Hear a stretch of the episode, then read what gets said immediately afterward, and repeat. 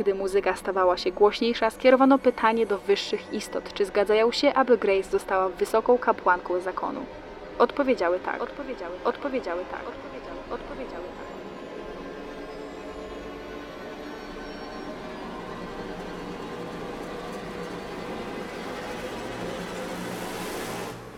The crime you two planned was indeed perfect. Only the victim is alive and the murderers are not. It's a pity you didn't know when you started your game of murder that I was playing too.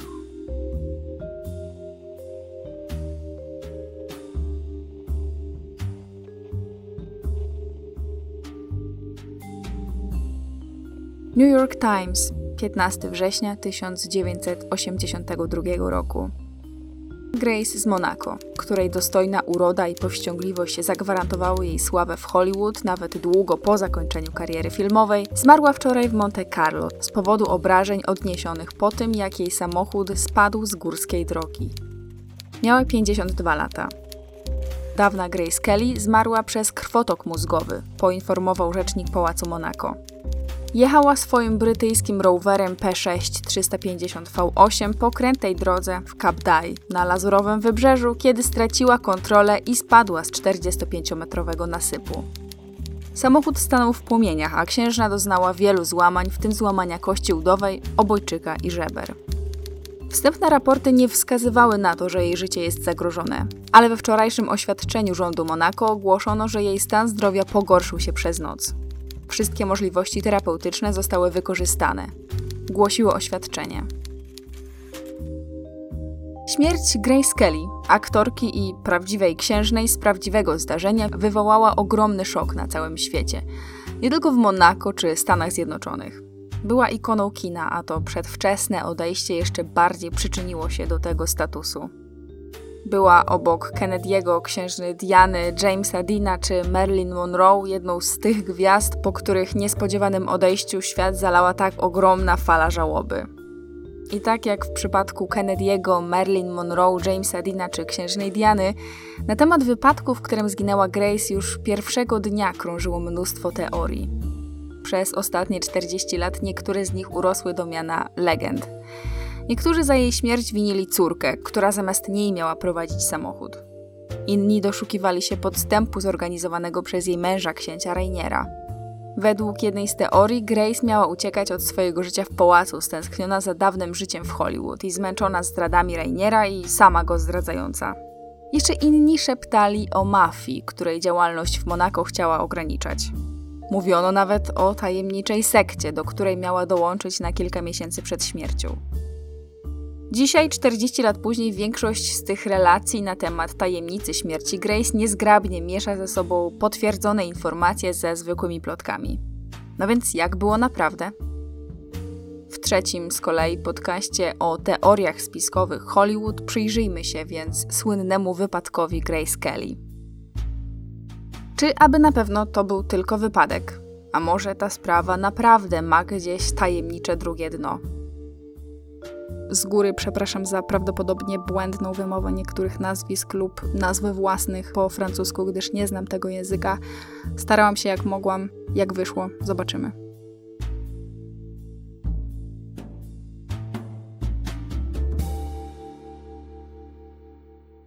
Grace Kelly urodziła się 12 listopada 1929 roku w irlandzko-niemieckiej rodzinie. Nigdy nie była typową dziewczyną z sąsiedztwa. Nie pochodziła z biednej rodziny, nie ma historii jak z amerykańskiego snu. Wręcz przeciwnie.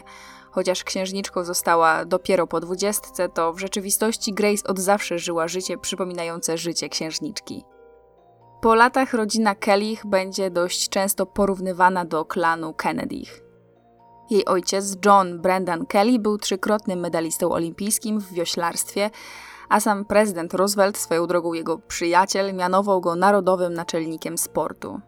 Co więcej, Kelly był odnoszącym sukcesy właścicielem biznesu budowlanego, dzięki któremu stał się milionerem. Matka Grace, Margaret, była jedną z najsłynniejszych fotomodelek Filadelfii oraz lekkoatletką i przeszła do historii jako pierwsza trenerka kobiecych drużyn na Uniwersytecie Pensylwanii. Wujek Grace, George Kelly, był z kolei dramatopisarzem i zdobywcą nagrody Pulitzera. Co ciekawe, początkowo to właśnie on jako jedyny w rodzinie wierzył w sukces Grace i brał na poważnie to jej całe zainteresowanie aktorstwem. W czasie, kiedy cała Ameryka pogrążała się więc w kryzysie, rodzina Kellich pławiła się w luksusie. Ale pomimo oczywistego bogactwa i dostępu do wielu wygód nowoczesności, państwo Kelly swoje dzieci wychowywali w surowej katolickiej, sportowej dyscyplinie. Odpowiednio schludny wygląd i nienaganne maniery były dla pani Kelly niczym kolejna religia. Wobec tego wpajała dzieciom umiejętności tłumienia emocji i ukrywania bólu czy rozczarowania. Z całej czwórki pociech Grace chyba najlepiej odrobiła te lekcje. Grace miała starszego brata Johna Juniora i dwie siostry, starszą Peggy i młodszą Elizabeth. To Peggy była tą najzdolniejszą, najpiękniejszą, najbardziej faworyzowaną, szczególnie przez ojca. Kiedy Grace zrobiła już karierę, jej ojciec powiedział prasie tak, tutaj cytuję: Myślałem, że to Peggy będzie w życiu kimś. Wszystko, co robiła Grace, Peggy potrafiła lepiej. Żyjąc tak w cieniu starszej siostry i reszty rodzeństwa, Grace dorastała będąc spokojnym, wręcz nieśmiałym i wystraszonym dzieckiem.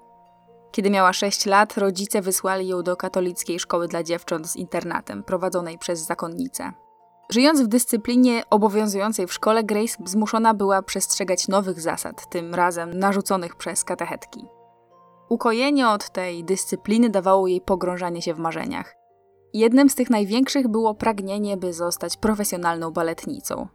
Rodzice oczywiście mieli środki na to, by posłać ją na zajęcia baletu i zrobili to całkiem chętnie. Niestety szybko się okazało, że taka kariera nie jest jej pisana ze względu na wzrost. Grace była po prostu za wysoka. Za namową wujka George'a skierowała więc swój wzrok ku aktorstwu. Już jako dziecko występowała w szkolnych przedstawieniach i czuła, że to właśnie na scenie jest jej miejsce. Rodzice, zatwardziali konserwatyści, którzy inaczej wyobrażali sobie jej przyszłość, no średnio aprobowali ten pomysł. Aktorstwo w latach 30. i 40. nie było uważane za wystarczająco prestiżowy i pożyteczny społecznie fach.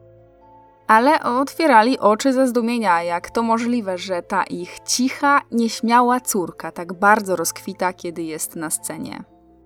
W 1947 roku, zaraz po ukończeniu liceum, nie przejmując się szczególnie zdaniem rodziców, zdecydowała się studiować aktorstwo dostała się do Amerykańskiej Akademii Teatralnej w Nowym Jorku. To była dość prestiżowa szkoła, swoją drogą pierwsza w całym kraju placówka oferująca aktorom teatralnym wykształcenie zawodowe. Przed Grace Kelly ukończyli ją m.in. tacy aktorzy jak Spencer Tracy, Kirk Douglas czy Katherine Hepburn. Nauka miała trwać dwa lata i kosztowała fortunę. Tysiąc dolarów rocznie, co w tamtych czasach było kwotą ogromną. Znalazła mieszkanie w 23-piętrowym hotelu, dla kobiet, bo to, żeby był dla kobiet, to był warunek, jaki postawił jej ojciec, żeby mogła w ogóle mieszkać poza domem rodzinnym. Na terenie samego hotelu obowiązywały zasady surowsze niż w domu. Zero alkoholu, zero imprez i zero mężczyzn. Ale Grace taka dyscyplina chyba średnio przeszkadzała. Raz, że miała ją w domu, więc nie była dla niej niczym nowym, a dwa, ona i tak skupiała się głównie na nauce i pracy. W pokoju trzymała magnetofon, na który nagrywała jak czyta rolę, a potem odsłuchiwała te nagrania i poprawiała błędy. Mimo powalającej urody, osiemnastoletnia Grace na pierwszy rzut oka nieszczególnie przyciągała wzrok. Chodziła głównie w za dużych swetrach i okularach, a jej codziennym gadżetem była wielka chusta. Ale jej koleżanki z hotelu szybko zauważyły, że pod tą warstwą skromnych ubrań kryje się modelka. I to dosłownie a tak się złożyło, że jej młodość przypadła na rozkwit reklamy. W Nowym Jorku agencje reklamowe i agencje modelek, które ze sobą współpracowały, wyrastały jak grzyby po deszczu. Namówiona przez koleżanki bez trudu znalazła pracę w jednej z takich agencji modelek. W krótkim czasie zarabiała już ponad 400 dolarów tygodniowo, co uwzględniając inflację daje około 5000 dolarów. Po kilku miesiącach była jedną z najlepiej zarabiających modelek w całym Nowym Jorku. Co ciekawe, najbardziej lubiła reklamy prasowe. Uważała, że w telewizji wypada kiepsko i niewiarygodnie. Kiedy nie pracowała i się nie uczyła, lubiła przechadzać się na Broadway i oglądać przedstawienia. Czekała na swoją szansę. Szansa przyszła w 1949 roku, kiedy otrzymała propozycję od Teatru Hrabstwa Bucks w New Hope w stanie Pensylwania. Teatralny debiut zaliczyła 25 lipca w komedii The Torchbearers. Krytycy pochwalili jej występ, a na premierze pojawili się nawet jej rodzice, mimo że tak długo się wzbraniali przed zaakceptowaniem ścieżki kariery, jaką wybrała ich córka. Pod koniec lata dostała już rolę na Broadwayu w sztuce Ojciec. Zarówno sztuka, jak i sama Grace otrzymały dobre recenzje, chociaż po latach będzie z dużą dozą skromności wspominać ten debiut na Broadwayu. Dobre recenzje zwróciły uwagę producentów telewizyjnych, których nie brakowało na widowni w teatrach. Właśnie w taki sposób Grace została wypatrzona przez Edith Van Cleef, agentka aktorów, która jeszcze do niedawna reprezentowała innymi Marlona Brando. Jeszcze w tym samym roku Grace trafiła na listę 12 najbardziej obiecujących osobowości scenicznych na Broadwayu. Przez następne 4 lata zagrała w prawie 40 przedstawieniach telewizyjnych. To uczyniło ją jedną z najbardziej zapracowanych i najbardziej rozpoznawalnych aktorek teatru telewizji. Ale to nie było wszystko, czym się zajmowała. W 1950 roku zaliczyła swój debiut w Hollywood. Jeden z producentów wytwórni 20th Century Fox wypatrzył ją, podobnie zresztą jak agentka, na widowni ojca i zaprosił na przesłuchanie do filmu 14 godzin. Kiedy dostała rolę w pełnoprawnym hollywoodzkim filmie, to nigdy nie sądziła, że to będzie w pewnym sensie początek końca jej kariery na scenie. Pierwsza historyczna rola Grace Kelly w filmie trwała 2 minuty i 14 sekund i sprawiła jedno. Grace przekonała się, że ludzie kina to są płytcy, nieciekawi, a to całe Hollywood to jeden wielki pic na wodę. Tyle, że jej agentka miała trochę inne plany. Wysłała zdjęcia Grace do agencji talentów, w której pracował ówczesny agent Marlona Brando. I ten tak zachwycił się jej urodą, że zaproponował jej kontrakt na reprezentowanie jej podczas castingów do filmów. Ale Grace, która przyszłość wiązała raczej z teatrem, odmówiła. Tyle, że ten niespecjalnie się tym przejął, przesłał jej fotografię dalej do producenta Stanleya Kramera. Kramer to w ogóle była niezła szycha w tym filmowo-producenckim świadku i najwyraźniej bardzo zależało mu na Grace. A akurat pracował przy nowo powstającym westernie o tytule W samo południe – Prawie wszystko było już gotowe, tylko ciągle nie mieli głównej pary aktorów. Ostatecznie rolę męską zgodził się zagrać weteran tego typu kina, czyli Gary Cooper. Brakowało tylko młodej, pięknej kobiety, która wcieliłaby się w rolę żony. Grace nadawała się idealnie i zatrudniono ją bez przesłuchania. Latem 51 roku poleciała więc jeszcze raz do Los Angeles nakręcić film, do którego ją niemal amatorkę wzięto na podstawie zdjęć, Praca na planie była dla niej krępująca. Ekipa będzie potem wspominać, że początkowo ona i Gary Cooper prawie w ogóle ze sobą nie rozmawiali. Prasa będzie z kolei plotkować o ich romansie. Film otrzymał kilka nominacji do Oscara i kilka statuetek, ale Grace została niemal w całości zignorowana przez krytyków. Właściwie to nic nie trzymało ją w Hollywood. Jak sama potem wspomni, jak zobaczyła samą siebie na ekranie, to była przerażona. Kontynuowała karierę w teatrze, telewizji i na Broadwayu. I pewnie rozwijałaby się tam dalej, gdyby nie kolejna propozycja z Hollywood. Chodzi tu o film Mogambo, kręcony w Afryce dla wytwórni MGM ze znakomitą obsadą w postaci króla Hollywood Clarka Gable'a i ówczesnej żony Franka Sinatry, Awy Gardner. Grace otrzymała rolę tej trzeciej. Swoją drogą bardzo dużo plotkowano tutaj o jej kolejnym romansie czy tam związku, tym razem miała go nawiązać właśnie z Clarkiem Gablem. Gable był wtedy w trakcie głośnej sprawy rozwodowej i biografowie będą potem wspominać, że Grace mu się nawet oświadczyła. Rola Grace w Mogambo, mimo że średnio oceniana, to otrzymała nominację do Oscara dla najlepszej aktorki drugoplanowej i statuetkę Złotego Globu. Ten sukces zwrócił uwagę Alfreda Hitchcocka. Pracował właśnie nad swoim ostatnim filmem, jaki miał zrealizować dla wytwórni Warner Brothers, czyli M jak morderstwo. Szukał do filmu eleganckiej, pięknej, młodej kobiety, która zagrałaby u boku jego ulubieńca Kerego Granta. I tak Grace znalazła się w obsadzie nowego kryminału Hitchcocka. To była jej pierwsza w karierze główna rola. To był film zrobiony dość, że tak powiem, na odwal, a Hitchcock podczas pracy już planował kolejny film, czyli okno na podwórze. Grace tak bardzo mu się spodobała, że właściwie od razu poprosił ją w zagraniu w oknie na podwórzu. Nie wiedzieć kiedy Grace stała się jego muzą, A wiele osób spekulowało, że Hitchcock, który miał spore problemy w kontaktach z kobietami, po prostu się w Grace zakochał. Wątek obsesji Hitchcocka na punkcie aktorek, które brał do swoich filmów, to jest w ogóle osobny temat, więc pomińmy go, bo inaczej ten podcast będzie trwał chyba ze 4 godziny. Grace dość dobrze wspominała pracę z reżyserem. Darzył ją wyjątkowo dużym jak na siebie szacunkiem i dawał sporo swobody na planie. I mimo, że to Hitchcock się w Grace rzekomo zakochał, to romans nawiązała z kimś innym. Był nim podobno żonaty wówczas aktor Ray Milland. Poza nim miała mieć też przelotny związek ze scenarzystą i jeszcze jednym aktorem. Przynajmniej tak twierdziła prasa. W ogóle o Grace i jej romansach nawiązanych na planie i poza nim gazety pisały bardzo dużo. Miała romansować między innymi z Kerem Grantem, Garym Cooperem, Jamesem Stewartem, Marlonem Brando, a potem też Frankiem Sinatrą, Bingiem Crosbym, Davidem Nivenem i Williamem Holdenem. Związek z Holdenem jest jedynym potwierdzonym oficjalnie przez syna Grace, księcia Alberta. I o tym związku jeszcze potem wspomnę.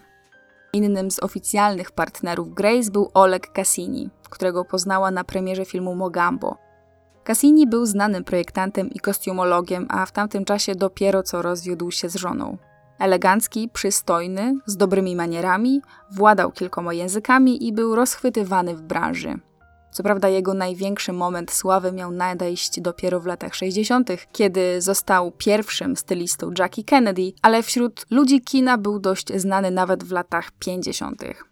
Kiedy Grace wyjechała do Saint-Tropez kręcić Złodzieja w hotelu, kolejny film dla Hitchcocka, Oleg rzucił wszystko i pojechał jej towarzyszyć. Tam po raz pierwszy powiedziała mu, że chce zostać jego żoną. Oleg początkowo wydawał się być tego samego zdania, ale jak sam przyznał po latach, to nie do końca chciał się z nią żenić. Tak czy inaczej, para zaczęła zastanawiać się nad datą ślubu. Pierwszy problem pojawił się, kiedy Grace zdecydowała się przedstawić Olega rodzinie. Szczególnie sceptyczna była matka Grace, która wprost powiedziała niedoszłemu zięciowi, że uważa, że nie nadaje się na męża jej córki. Ojciec Grace był jeszcze bardziej bezpośredni i ogłosił prasie, tu cytuję, że nie pochwala, że jego córka umawia się z cudakami. No cóż, Cassini o reputacji Playboya był zupełnym przeciwieństwem tego, jak konserwatywna rodzina Grace wyobrażała sobie zięcia. I Grace dało to dużo do myślenia. Nie zakończyła jednak związku i para przez kolejne miesiące pokazywała się wspólnie publicznie. Prasa nie ułatwiała jej dylematu, bo dziennikarze stale dopytywali o jej życie osobiste. Wiecie, dzisiaj może to nie wygląda aż tak, ale w latach 50. była wielka presja na to, żeby jak najszybciej wziąć ślub i mieć dzieci a Grace miała już ponad 20 lat. Mówiła Olegowi, że czuje się gotowa na małżeństwo, ale niestety tylko ona. Pamiętacie, jak wspomniałam o romansach Grace, szczególnie tych z planu? Dzisiaj trudno jest do końca udowodnić, które z tych relacji były na pewno prawdziwe, a które są jedynie wymysłem brukowców, które w każdym zdjęciu czy wspólnym obiedzie dwójki kolegów z planu doszukiwali się podtekstu. Niemniej jednak taka plotka pojawiła się znowu, kiedy Grace była już w oficjalnym związku z Olegiem Cassinim. To było w 1955 roku, przy okazji kręcenia filmu Dziewczyna z prowincji. Grace występowała tam w trio, razem z Bingiem Crosbym i Frankiem Sinatrą. Z kim miała mieć romans? Ano zależy kto pytał, bo mówiono o jednym i drugim. Oleg wściekał się na to, że Grace przygotowując się do filmu jadała kolację z Crosbym. Niby Grace przekonywała go, że między nimi nic nie ma, ale i tak był zazdrosny. Po czasie wyznał, tu cytuję, zachowywałem się jak idiota. Zniszczyłem ten związek na własne życzenie. Dla Grace to był kolejny powód do tego, by przewartościować te relacje. No i w końcu związek zakończyła. Jakiś czas po otrzymaniu Oscara za dziewczynę z prowincji i rozstaniu, a raczej jak to nazwali, separacji z Olegiem, Grace otrzymała propozycję zagrania w filmie Łabędź. To była historia księżniczki bezimiennego europejskiego państwa, która jest rozdarta między miłością a obowiązkami. I to jest dosyć znacząca rola, bo nie tylko historia niejako przepowiedziała jej przyszłość, to jeszcze okazała się ostatnią rolą w karierze filmowej Grace. W maju tego samego roku otrzymała informację, że szefostwo Cannes chce, by dziewczyna z prowincji pojawiła się na festiwalu i by Grace we własnej osobie przyjechała na lazurowe wybrzeże. Średnio jej się chciało, bo jedna z jej sióstr właśnie wychodziła za mąż, ale w końcu zdecydowała się na podróż. Głównym powodem zmiany decyzji był Jean-Pierre Mont, który był jej byłym partnerem z jednej ze sztuk, w których grała. Skończył właśnie kręcić film we Francji i wrócił do Nowego Jorku. Spotkali się, spędzili razem noc, a potem zdecydowali, że razem wybiorą się do Cannes. I tak też się stało. 30 kwietnia Grace poleciała do Cannes. Nie wiedziała, że padnie tam ofiarą małego podstępu prasowego. Redakcja francuskiego magazynu Paris Match głowiła się właśnie nad tym, jak przyciągnąć czytelników i w ciekawy sposób zrelacjonować wydarzenia z Cannes. Dziennikarz filmowy, a prywatnie mąż aktorki Olivia de Havilland, Pierre Galland, szukał interesującego tematu sesji zdjęciowej. Na tyle interesującego, że zwiększyłby sprzedaż magazynu, zarówno we Francji, jak i za granicą. Kiedy dowiedział się, że do Cannes przylatuje Grace Kelly, wpadł na pomysł, by zaaranżować jej spotkanie z księciem Monaco Rainierem III Grimaldi. Taka sesja i artykuł w stylu królowa Hollywood poznaje prawdziwego księcia byłyby przecież kopalnią pieniędzy. Grace to zaproszenie mocno zaskoczyło, ale zgodziła się pojechać do Monako w przerwie festiwalu. 6 maja ona, jej ówczesny kochanek Jean-Pierre Mont, dziennikarz Pierre Gallon i Olivia de Havilland przybyli do pałacu w Monako.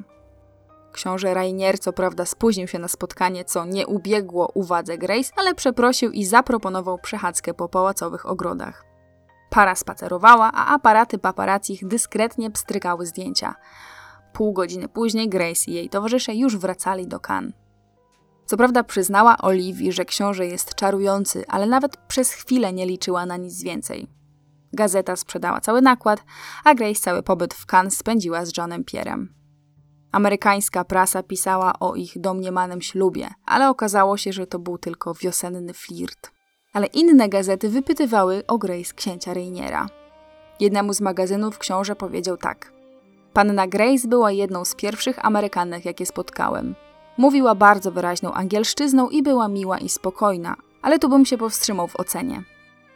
Latem 1955 roku magazyn Rave zamieścił złośliwy artykuł o Grace zatytułowany Luksusowa Wilczyca.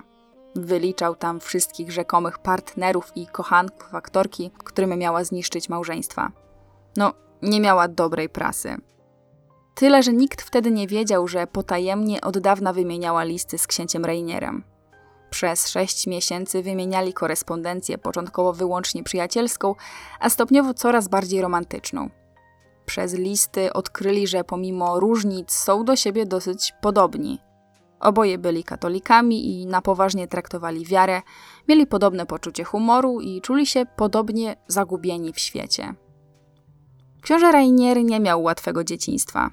Kiedy miał 7 lat, jego matka, księżniczka Charlotte, nieślubna córka księcia Monaco Ludwika II, uciekła z włoskim lekarzem, zrzekając się tronu i porzucając dwójkę dzieci.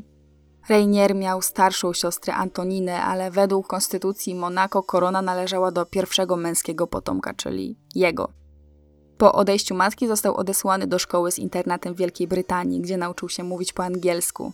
Potem uczył się w liceum w Szwajcarii i studiował w Paryżu. W 1955 roku miał 32 lata i rządził księstwem Monako już od 6 lat. Prasa przedstawiała go jako kulturalnego, ale nudnego starego kawalera. On też niewiele robił, żeby tą opinię zmienić. W rzeczywistości był inteligentnym człowiekiem z żyłką do interesów. Dwa lata wcześniej zakończył związek z francuską aktorką Giselle Pascal. Powodem rozstania miała być rzekoma bezpłodność kobiety, która swoją drogą jakiś czas po ich rozejściu wyszła za mąż i urodziła dziecko. Okazało się, że tę plotkę rozpuściła siostra Rainiera, która od lat wymyślała plan jego detronizacji. Od tamtego czasu wystarczyło, że książę pojawił się choćby na zdjęciu z jakąś kobietą, a już podejrzewano go o romans. Ale no nie ma co ukrywać, że był kobieciarzem i pewnie wiele z tych domniemanych romansów było rzeczywistymi romansami. Presję do orzenku z pewnością czuł jeszcze większą niż Grace. Tu warto wspomnieć, że na mocy obowiązującego wtedy traktatu z Francją, jeśli władca Monako umarłby bez męskiego potomka, to księstwo Monako znalazłoby się pod prorektoratem Francji, a wtedy Monakijczycy podlegaliby francuskiemu systemowi podatkowemu i poborowi do francuskiego wojska. Tymczasem Rainier miał już, oczywiście już w cudzysłowie, 32 lata i nie tylko nie miał syna, ale nawet sensownej kandydatki na żonę. PS, ten traktat został zniesiony w 2002 roku, o ile dobrze sprawdziłam. Co ciekawe, pierwsze i dość konkretne małżeńskie propozycje wobec Grace pojawiły się jeszcze przed ich drugim spotkaniem. W grudniu udał się więc do Nowego Jorku, a Boże Narodzenie spędzili wspólnie z jej rodziną. I tak jak rodzice Grace nie polubili Olega Cassiniego, tak księciem byli już zachwyceni. No lepsza partia, nie da się tego ukryć. 28 grudnia oświadczył się jej w apartamencie na Manhattanie. To nie miał być zwykły ślub. Grace miała się stać żoną głowy państwa i miała się nazywać Grace Grimaldi. W styczniu 56 roku mogli oficjalnie potwierdzić ceremonię. Boże, co się wtedy działo w prasie? Wystarczy przejrzeć dosłownie kilka gazet z tamtego okresu, żeby się przekonać, że naprawdę tym ślubem żył cały kraj przez dobrych kilka miesięcy. Szczególnie chętnie opowiadała o tym matka Grace, która była tak podekscytowana, że myliła Monako z Maroko. Taki drobny szczególik. Ameryka nigdy nie miała monarchii, więc uwielbiała historię o królach i książętach. No to się sprzedawało w prasie. Grace miała nadal umowę z MGM i musiała zrobić dla wytwórni jeszcze dwa filmy. Twierdziła, że oczywiście nigdy nie przestanie grać, bo kochała to, co robiła. Niestety Rainier szybko jej wyjaśnił, że związek z księciem oznacza rozstanie z kinem. Tym bardziej, że na Grace czekało mnóstwo obowiązków administracyjnych. Miała więc dokończyć tylko pracę nad łabędziem, a następnie wyjechać do Monako. Pracę nad filmem skończyła w marcu, a zaraz po Wielkanocy wypłynęła do Monako. Ślub cywilny pary odbył się 18 kwietnia, a następnego dnia miał miejsce ślub kościelny udzielony przez biskupa Monako w katedrze świętego Mikołaja. To było bardzo wystawne wydarzenie. Prasa reklamowała go jako ślub stulecia. Do Monako przyjechało ponad tysiąc reporterów, a do katedry wcisnęło się 600 gości, pomimo że miejsce przewidywało jedynie 400. Dla Grace ten ślub był koszmarem. Ta wrzawa i zamieszanie były dla niej tak traumatycznym przeżyciem, że po latach potem przyzna, że przez ponad rok nie przeczytała żadnego wycinka z gazety na ten temat ani nie oglądała swoich zdjęć. Ale najgorsze miało nadejść dopiero po ślubie. Dość szybko okazało się, że Monakijczycy byli wobec niej nastawieni bardzo nieufnie. Amerykanka, w dodatku aktorka hollywoodzka, nie miała dobrej opinii. Niechęci doświadczała także ze strony pracowników pałacu, którzy byli oddanymi protokołowi tradycjonalistami. Cały czas ją poprawiano. Grace nie mogła zasugerować nawet tak drobnych rzeczy jak ułożenie kwiatów w bukiecie. W pałacu nie mógł jej też odwiedzać żaden mężczyzna, nawet producent czy projektant strojów. Nie mogła też swobodnie opuszczać pałacu, a na pewno nie samodzielnie. Każda, nawet najmniejsza przechadzka musiała się odbywać z armią ochroniarzy. Jak sama potem przyznała, na początku życia w Monako czuła się, jakby straciła tożsamość. Dopiero po wielu latach udało się jej zaskarbić większe zaufanie i szacunek na dworze. Mimo, że starała się często odwiedzać rodzinę i przyjaciół w Stanach, to kiedy urodziła dzieci, stało się to niemal niemożliwe.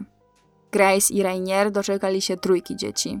Najstarszej córki Caroline, następnie był syn Albert i najmłodsza córka Stephanie.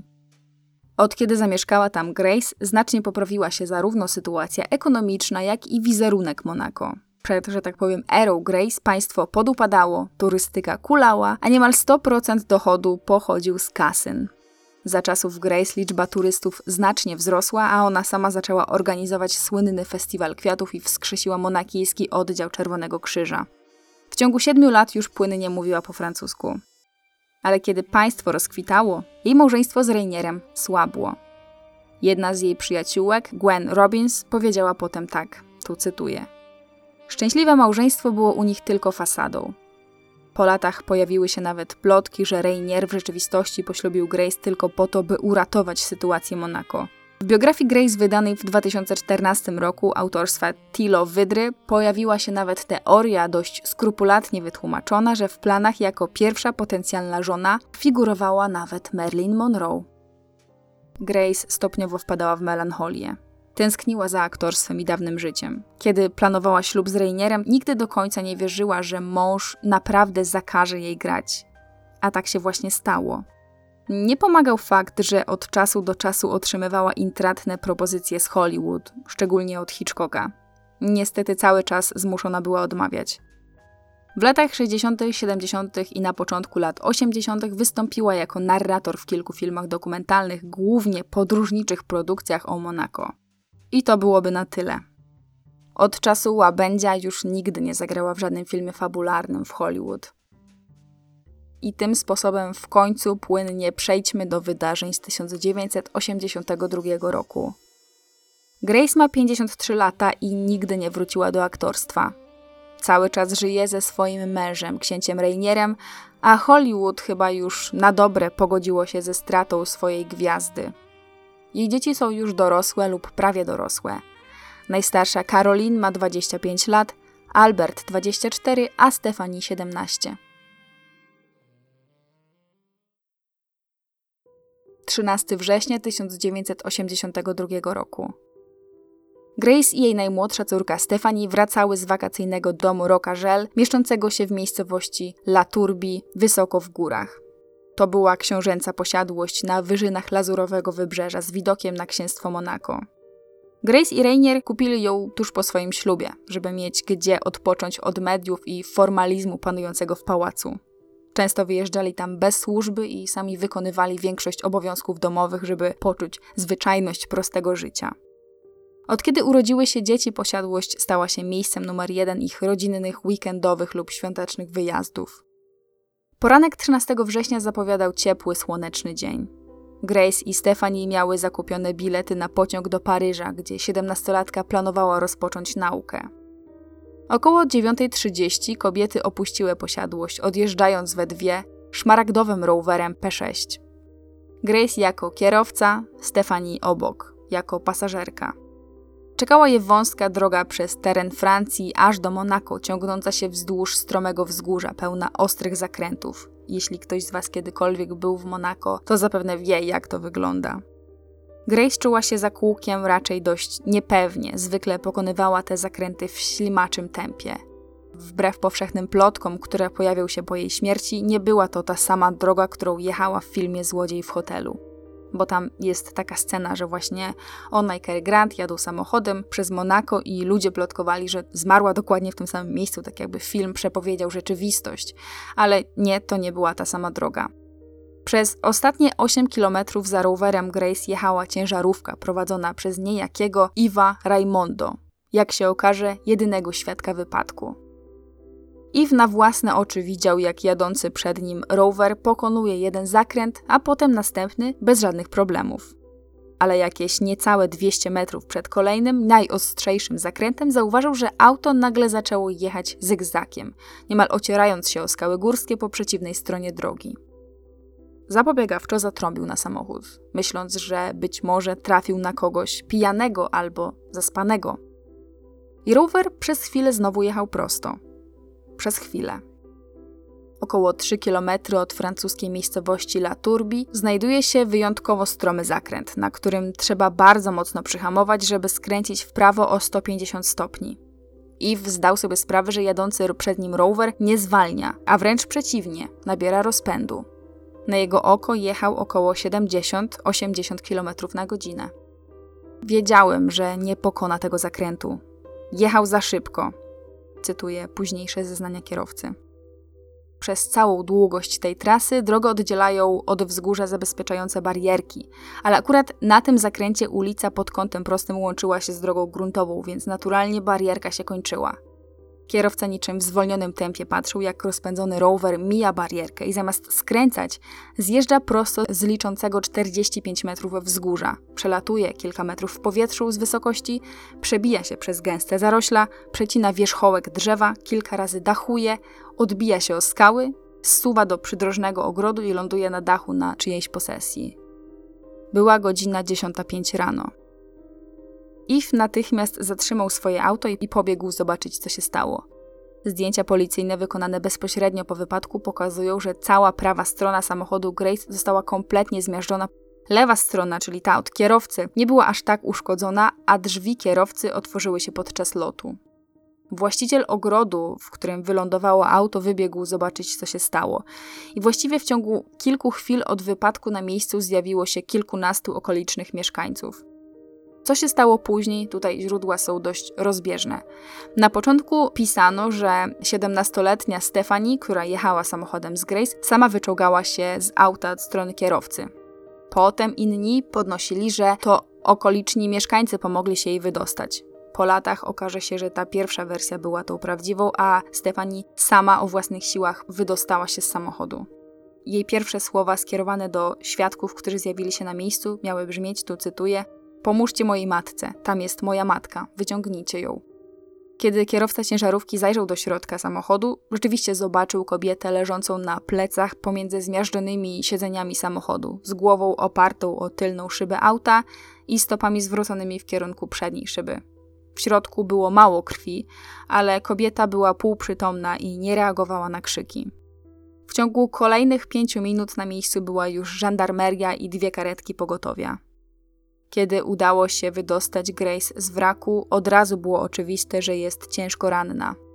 Jej otwarte oczy były zaszklone, przez czoło przebiegała głęboka rana, a prawa noga ewidentnie złamana była ułożona pod dziwnym kątem.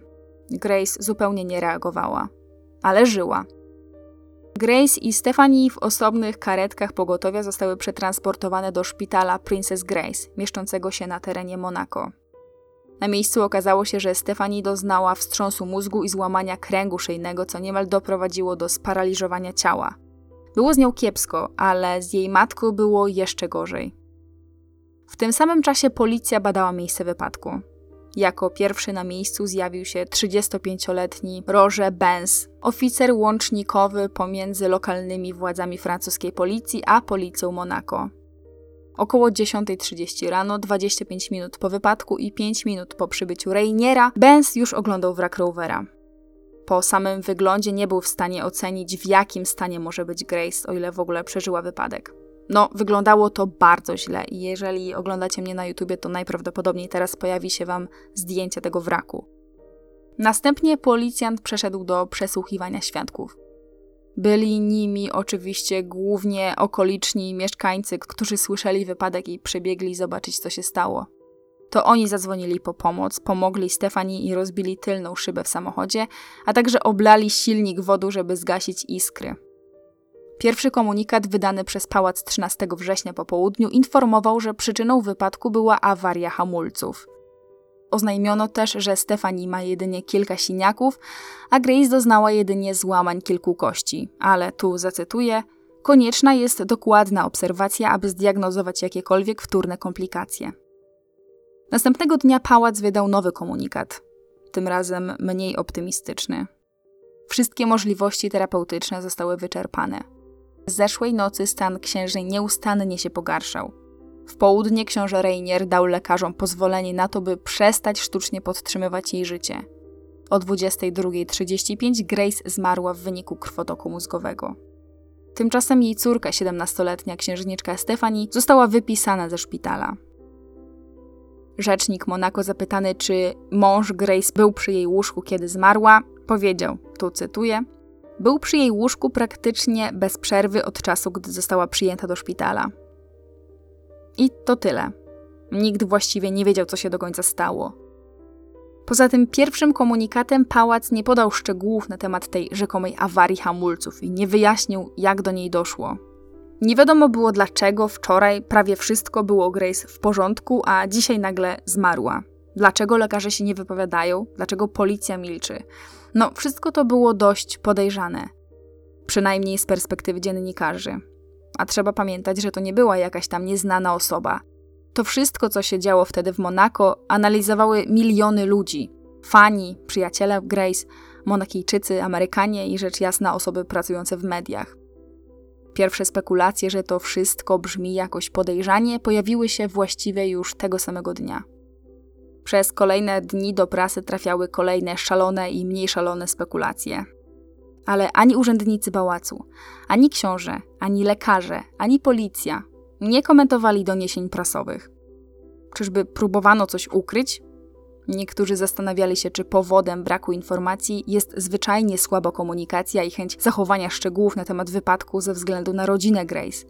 Czy może stał za tym jakiś ukryty motyw, a ktoś ciężko pracował, żeby żaden niewygodny szczegół nie wyszedł na światło dzienne? Dlaczego w pierwszym oświadczeniu nie było mowy o ciężkim stanie? Pałac powiedział nawet, że Grace po wypadku nie straciła przytomności, a tu nagle nie żyje. I dla pokazania skali absurdu mam małą ciekawostkę. Wstępny komunikat pałacu do tego stopnia bagatelizował ciężki stan Grace, że zaraz po wypadku wielu jej przyjaciół wysłało jej żartobliwe telegramy zachęcające do wyskoczenia ze szpitalnego łóżka i ucieczki. A teraz, kiedy wiadomo było, że Grace nie żyje, milczenie pałacu dawało więcej pytań niż odpowiedzi. Sprawę dodatkowo pogorszyło doniesienie o tym, co działo się w szpitalu w nocy, kiedy Grace walczyła o życie. To, co budziło najwięcej wątpliwości już od początku, to był wybór szpitala, do którego Grace trafiła po wypadku. Wypadek miał miejsce na terytorium Francji, a Grace została zabrana do szpitala w Monako, chociaż nie było nowością, że placówka, do której trafiła, była znacznie gorzej wyposażona niż szpitale francuskie. Do prasy trafiła też informacja, że około północy, 12 godzin po wypadku, Grace była przetransportowana do innego szpitala, a konkretnie kliniki mieszczącej się po drugiej stronie miasta. Co więcej, jakieś źródło podało, że zaraz po wypadku podano jej silnie odurzający lek, który, jak spekulowano, uniemożliwił prawidłowy odczyt pracy mózgu w kluczowych godzinach po wypadku. Żeby tego było mało, w tym drugim szpitalu Grace miała nie być potraktowana z wystarczającą ostrożnością. Winda szpitalna była tak mała, że zamiast tego transportowano ją po schodach w górę i w dół przez trzy piętra, a wszystko to działo się 13 godzin po wypadku. To tylko pogorszyło całą sytuację i do czerwoności rozgrzało dziennikarzy. Podanie niewłaściwego leku, nocna podróż przez miasto, trafienie do niewłaściwego szpitala i bieganie z Grace na noszach po schodach w górę i w dół.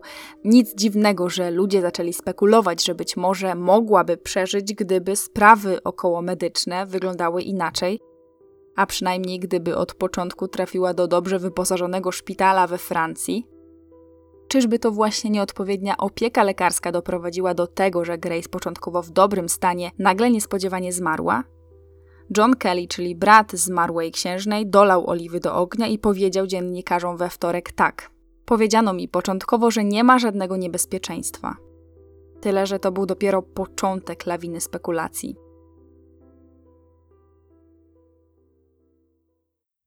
Na początku wiele wskazywało na to, i tak podano w pierwszych relacjach prasowych, że powodem wypadku był rzeczywiście uszkodzony samochód. Dziennikarze, którzy zjawili się osobiście na miejscu zdarzenia, zbadali drogę, którą jechała Grace i nie znaleźli żadnych, choćby najmniejszych śladów hamowania. Naoczny świadek, czyli kierowca ciężarówki, który widział wypadek, potwierdził, że w rowerze Grace nie zapaliły się światła hamowania. Grace jechała prosto w przepaść, nawet odrobinę nie redukując prędkości. Do prasy trafiły też rzekome słowa, które córka Grace Stefani miała powiedzieć do swojej siostry Caroline, tutaj cytuję. Mama ciągle powtarzała: Nie mogę się zatrzymać, hamulce nie działają, nie mogę się zatrzymać. W środę, czyli dwa dni po wypadku, francuska policja niejako potwierdziła te informacje poinformowała, że nie znaleźli śladów opon na drodze, co w pewnym sensie zgadzało się z pierwotną pałacową wersją wydarzeń o awarii hamulców samochodu. Co więcej, policja podała też, że żadna z pasażerek nie miała zapiętych pasów. Ale ani słowa bezpośrednio nie wspomniano o tym, czy rzeczywiście doszło do awarii hamulców. W końcu, no przecież policja musiała ten wrak zbadać, więc to oczywiste, że sprawdzali kwestie hamulców. No, raczej teoria policyjna nie opierałaby się jedynie na szukaniu śladów hamowania na drodze. Ale policja milczała. Nie powinno więc chyba nikogo dziwić, że pojawiły się spekulacje, że być może policja w ogóle tego wraku nigdy nie zbadała. Było jasne, że wrak samochodu został zabrany z miejsca wypadku bardzo szybko. Trochę zbyt szybko według amerykańskich dziennikarzy. No to zaczęto mówić, że być może książę Rainier celowo sabotuje śledztwo policji. W końcu kto jak kto, ale on miałby moc, by coś takiego zrobić i pozostać bezkarnym. Ale to było nic. Oliwy do ognia po raz kolejny dolało oficjalne oświadczenie firmy British Leyland, czyli producenta samochodu Grace, które brzmiało, cytuję: Hamulce nie mogły przestać działać. Ten konkretny model samochodu został wyposażony w podwójny układ hamulcowy, który jest dosłownie bezawaryjny. Kurtyna. Czyli albo pałac początkowo wydał jakieś chaotyczne, niepotwierdzone oświadczenie o awarii hamulców bez sprawdzenia pewności podawanych informacji, albo celowo kłamał. Tylko dlaczego policja w pewnym sensie potwierdziła tę wersję wydarzeń, przynajmniej milcząc? Co ciekawe, oficer Benz, który zajmował się sprawą, powiedział tak. Spodziewam się, że tylko eksperci mogą ustalić, czy to wina hamulców. Od pałacu zależy, czy eksperci będą mogli przyjrzeć się samochodowi. Jedna z gazet już dwa dni po wypadku napisała tak. Dwóch inżynierów brytyjskiej firmy Leyland, którzy przebywali w Monte Carlo od wtorkowego popołudnia, poprosili o pozwolenie na zbadanie samochodu, ale nie otrzymali odpowiedzi od pałacu. Chyba pod tym ogólnym naciskiem mediów, następnego dnia w porozumieniu z policją ekspertom British Leyland udało się zbadać wrak. Wrak, który był, podkreślam, do tego czasu ukryty w nieujawnionym dla prasy miejscu. Co tam znaleźli eksperci? To też było dosyć zagadkowe, bo w sumie nie było do końca wiadomo, czy coś odkryli, a jeśli tak, to co konkretnie. Wiadome było jedno. 20 września pałac oficjalnie wycofał się z podanej wcześniej informacji o awarii hamulców. Natychmiast po tym, jak brytyjska załoga Leyland opuściła Monako, rower został zniszczony na miazgę, a potem w tajemniczy sposób zatopiony w Morzu Śródziemnym. Dziennikarze więc dociekali, dlaczego tak szybko zniszczono auto, ale pałac milczał. Jakieś źródło policyjne potwierdziło podobno, że to był rozkaz księcia Reiniera. No i ponoć bardzo utrudniło to śledztwo policji. Ale skoro wszystko wskazywało na to, że to nie hamulce czy inna awaria samochodu były przyczyną wypadku, to co się właściwie stało i dlaczego do wypadku doszło? Dlaczego Grace nie próbowała hamować, tylko rozpędzona jechała wprost na kończącą się skarpę? I tu przechodzimy do najpopularniejszej wówczas teorii dotyczącej wypadku Grace. Teorii mówiącej o tym, że to nie ona samochód prowadziła. Owszem, Grace nie była szczególnie dobrym kierowcą, ale znała te trasy, zawsze jeździła spokojnie i potrafiła pokonywać kręte drogi Monako. Co więcej, no, potrafiła używać hamulca. Naturalnie więc kandydatką na kierowcę, który spowodował wypadek, stała się 17-letnia Stefani. Przede wszystkim, według relacji świadków, dziewczyna wyczołgała się z wraku auta właśnie przez frontowe drzwi od strony kierowcy. Większość świadków w wypadku nie chciała się wypowiadać, ani tym bardziej udzielać komentarzy pod własnym nazwiskiem. Wśród nich był natomiast jeden wyjątek. Sesto Leukio, ponad 60-letni rolnik włoskiego pochodzenia, który przybył na miejsce natychmiast po wypadku i uczestniczył w ratowaniu księżniczki Stefani, dość chętnie podzielił się swoimi przeżyciami z prasą. Twierdził, że na własne oczy widział, że to właśnie nastolatka siedziała za kierownicą. W wywiadzie dla Daily Mirror powiedział tak, cytuję: Słyszałem, jak Grace mówiła: Chcę, żeby świat wierzył, że to ja prowadziłem samochód. No, brzmi to dosyć dziwnie, ale ludzie podłapali temat. Istniała jeszcze jedna inna teoria związana ze Stefani. Mianowicie Grace mogła się pokłócić z córką. Pokłócić do tego stopnia, że nie zauważyła zakrętu i nie straciła kontroli nad pojazdem, a nad swoimi emocjami. Dlaczego miałyby się kłócić, spytacie? Powód miały dość poważny. W czasie, kiedy doszło do katastrofy, siedemnastolatka planowała poślubić swojego chłopaka. Był nim kierowca wyścigowy, 19-letni Paul Belmondo, syn zmarłego w zeszłym roku francuskiego aktora Jeana Paula Belmondo. Grace, Rainier i dwójka ich najstarszych dzieci miesiąc wcześniej polecieli do Norwegii na rejs. Zbuntowana Stefani jednak nie wybrała się z nimi. Wolała odbyć własne wakacje z młodym Francuzem na Karaibach. Grace martwiło to, jak bardzo jej córka jest kochliwa i bała się, że nie wyjdzie jej to na dobre. Tym bardziej, że starsza córka Caroline sama miała już za sobą jedno nieudane małżeństwo, którego rodzice od początku nie akceptowali i mieli rację. Ale ostatecznie Stefani się uparła i rzeczywiście wyjechała z Polem. Wróciła w piątek, 10 września, czyli trzy dni przed tragicznym wypadkiem. Na poniedziałkowy wieczór 13 września miała już zaplanowany wyjazd do Paryża, bo dostała się tam do jakiejś szkoły mody. Ale kiedy po powrocie z Karaibów przyjechała do posiadłości rodzinnej na weekend, oznajmiła matce, że nie jest już zainteresowana modą.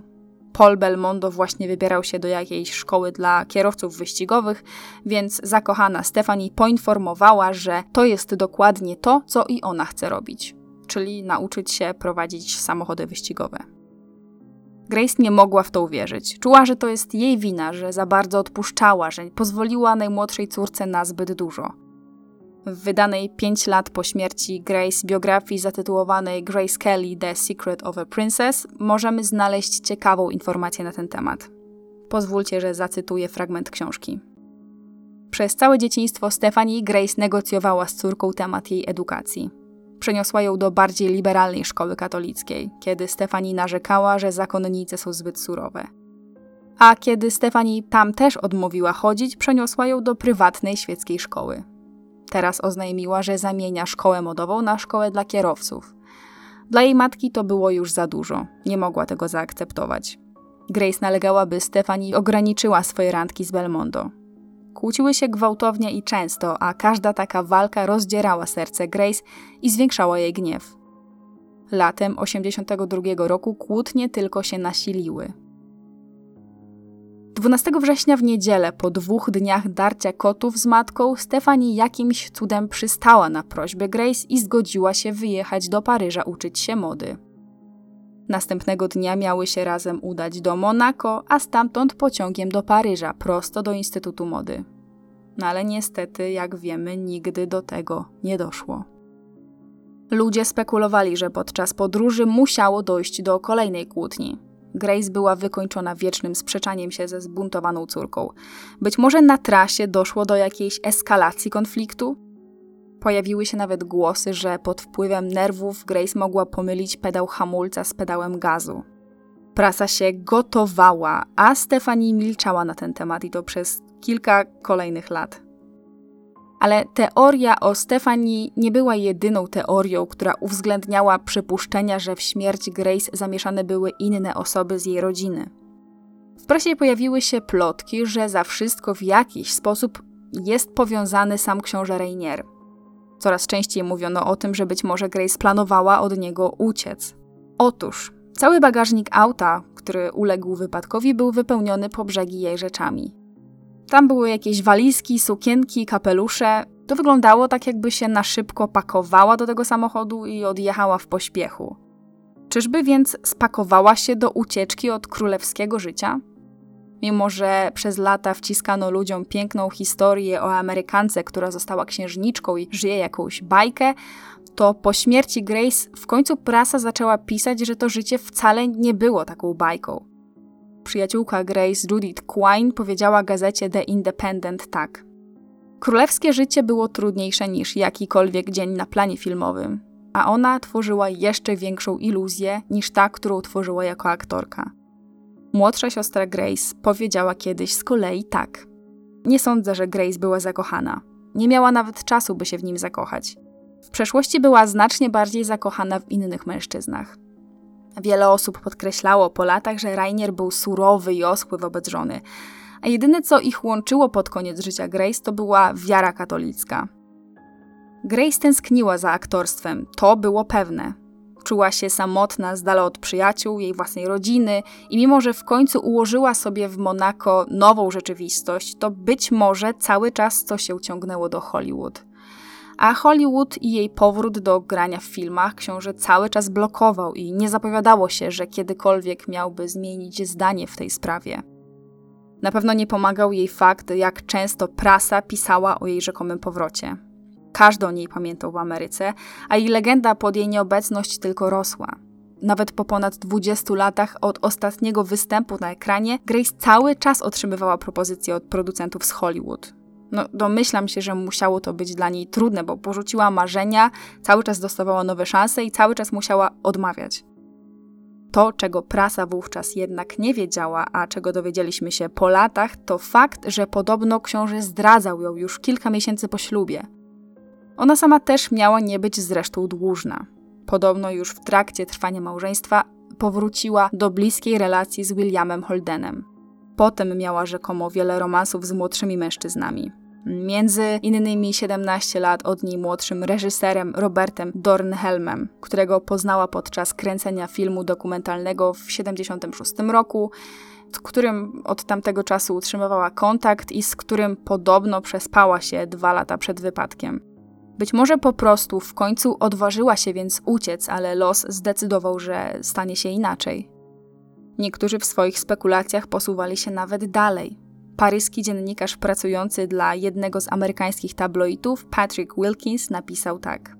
Dla wszystkich, z którymi rozmawiałem tutaj w Paryżu, konsensus jest taki, że Grace była tak przytłoczona wszystkimi swoimi problemami i tak wściekła na Stefani, że po prostu nie obchodziło jej już, co się z nimi stanie. Wiele osób jest przekonanych, że śmierć Grace była samobójstwem. Ale jest jeszcze jedna kolejna teoria.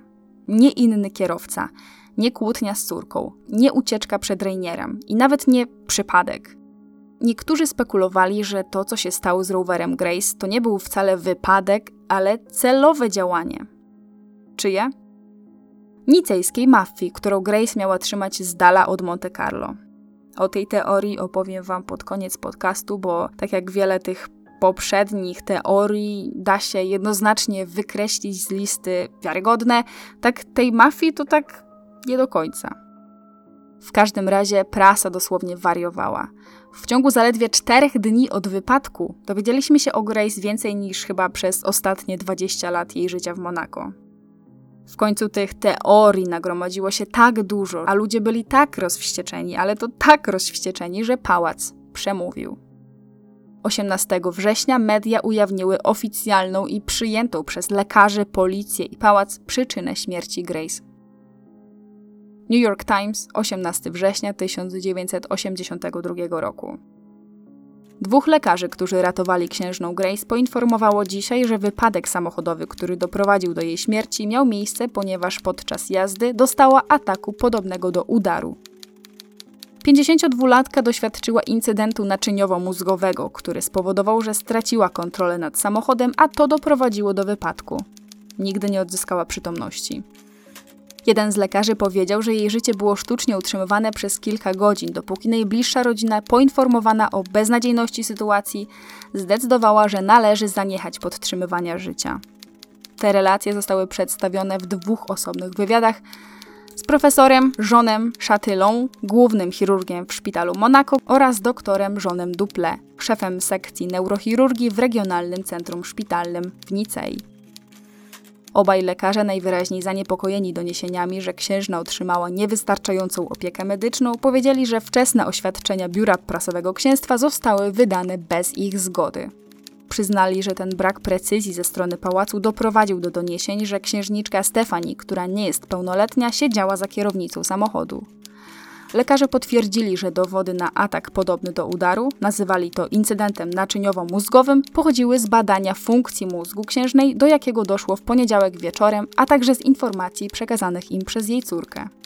Tomografia komputerowa, która pokazuje szczegółową anatomię mózgu, wykazała, że doszło do dwóch incydentów. Jeden związany ze złym samopoczuciem podczas prowadzenia samochodu, a drugi spowodowany już skutkami katastrofy, poinformowali lekarze. Doktor Duple opisał ten incydent jako mały udar. Powiedział: Gdyby to miało miejsce w domu, cóż, mogłaby usiąść i być może wkrótce poczułaby się lepiej. Według lekarzy taki incydent może spowodować utratę przytomności, zawroty głowy, zaburzenia widzenia lub dysfunkcję rąk i nóg. Doktor Duple powiedział o księżniczce Stefanii: Próbowała zaciągnąć hamulec ręczny, gdy jej matka straciła kontrolę, ale było za późno. Według niego do wtorku stan księżnej pogorszył się do tego stopnia, że jej życie było sztucznie podtrzymywane. Powiedzieliśmy rodzinie, że nic nie da się już zrobić. Księżna Grace została usunięta z systemów podtrzymywania życia na życzenie rodziny we wtorek wieczorem, po tym jak lekarze ustalili, że jej mózg jest martwy. No i niby otrzymaliśmy wyjaśnienie. I to całkiem wiarygodne i rzeczowe, ale prasa, no, nie była do końca przekonana. No bo dobrze, doznała incydentu zbliżonego do udaru. Ale dlaczego? Miała 52 lata i większość ludzi podnosiła, że księżna była nadal młoda i w dobrym stanie zdrowia.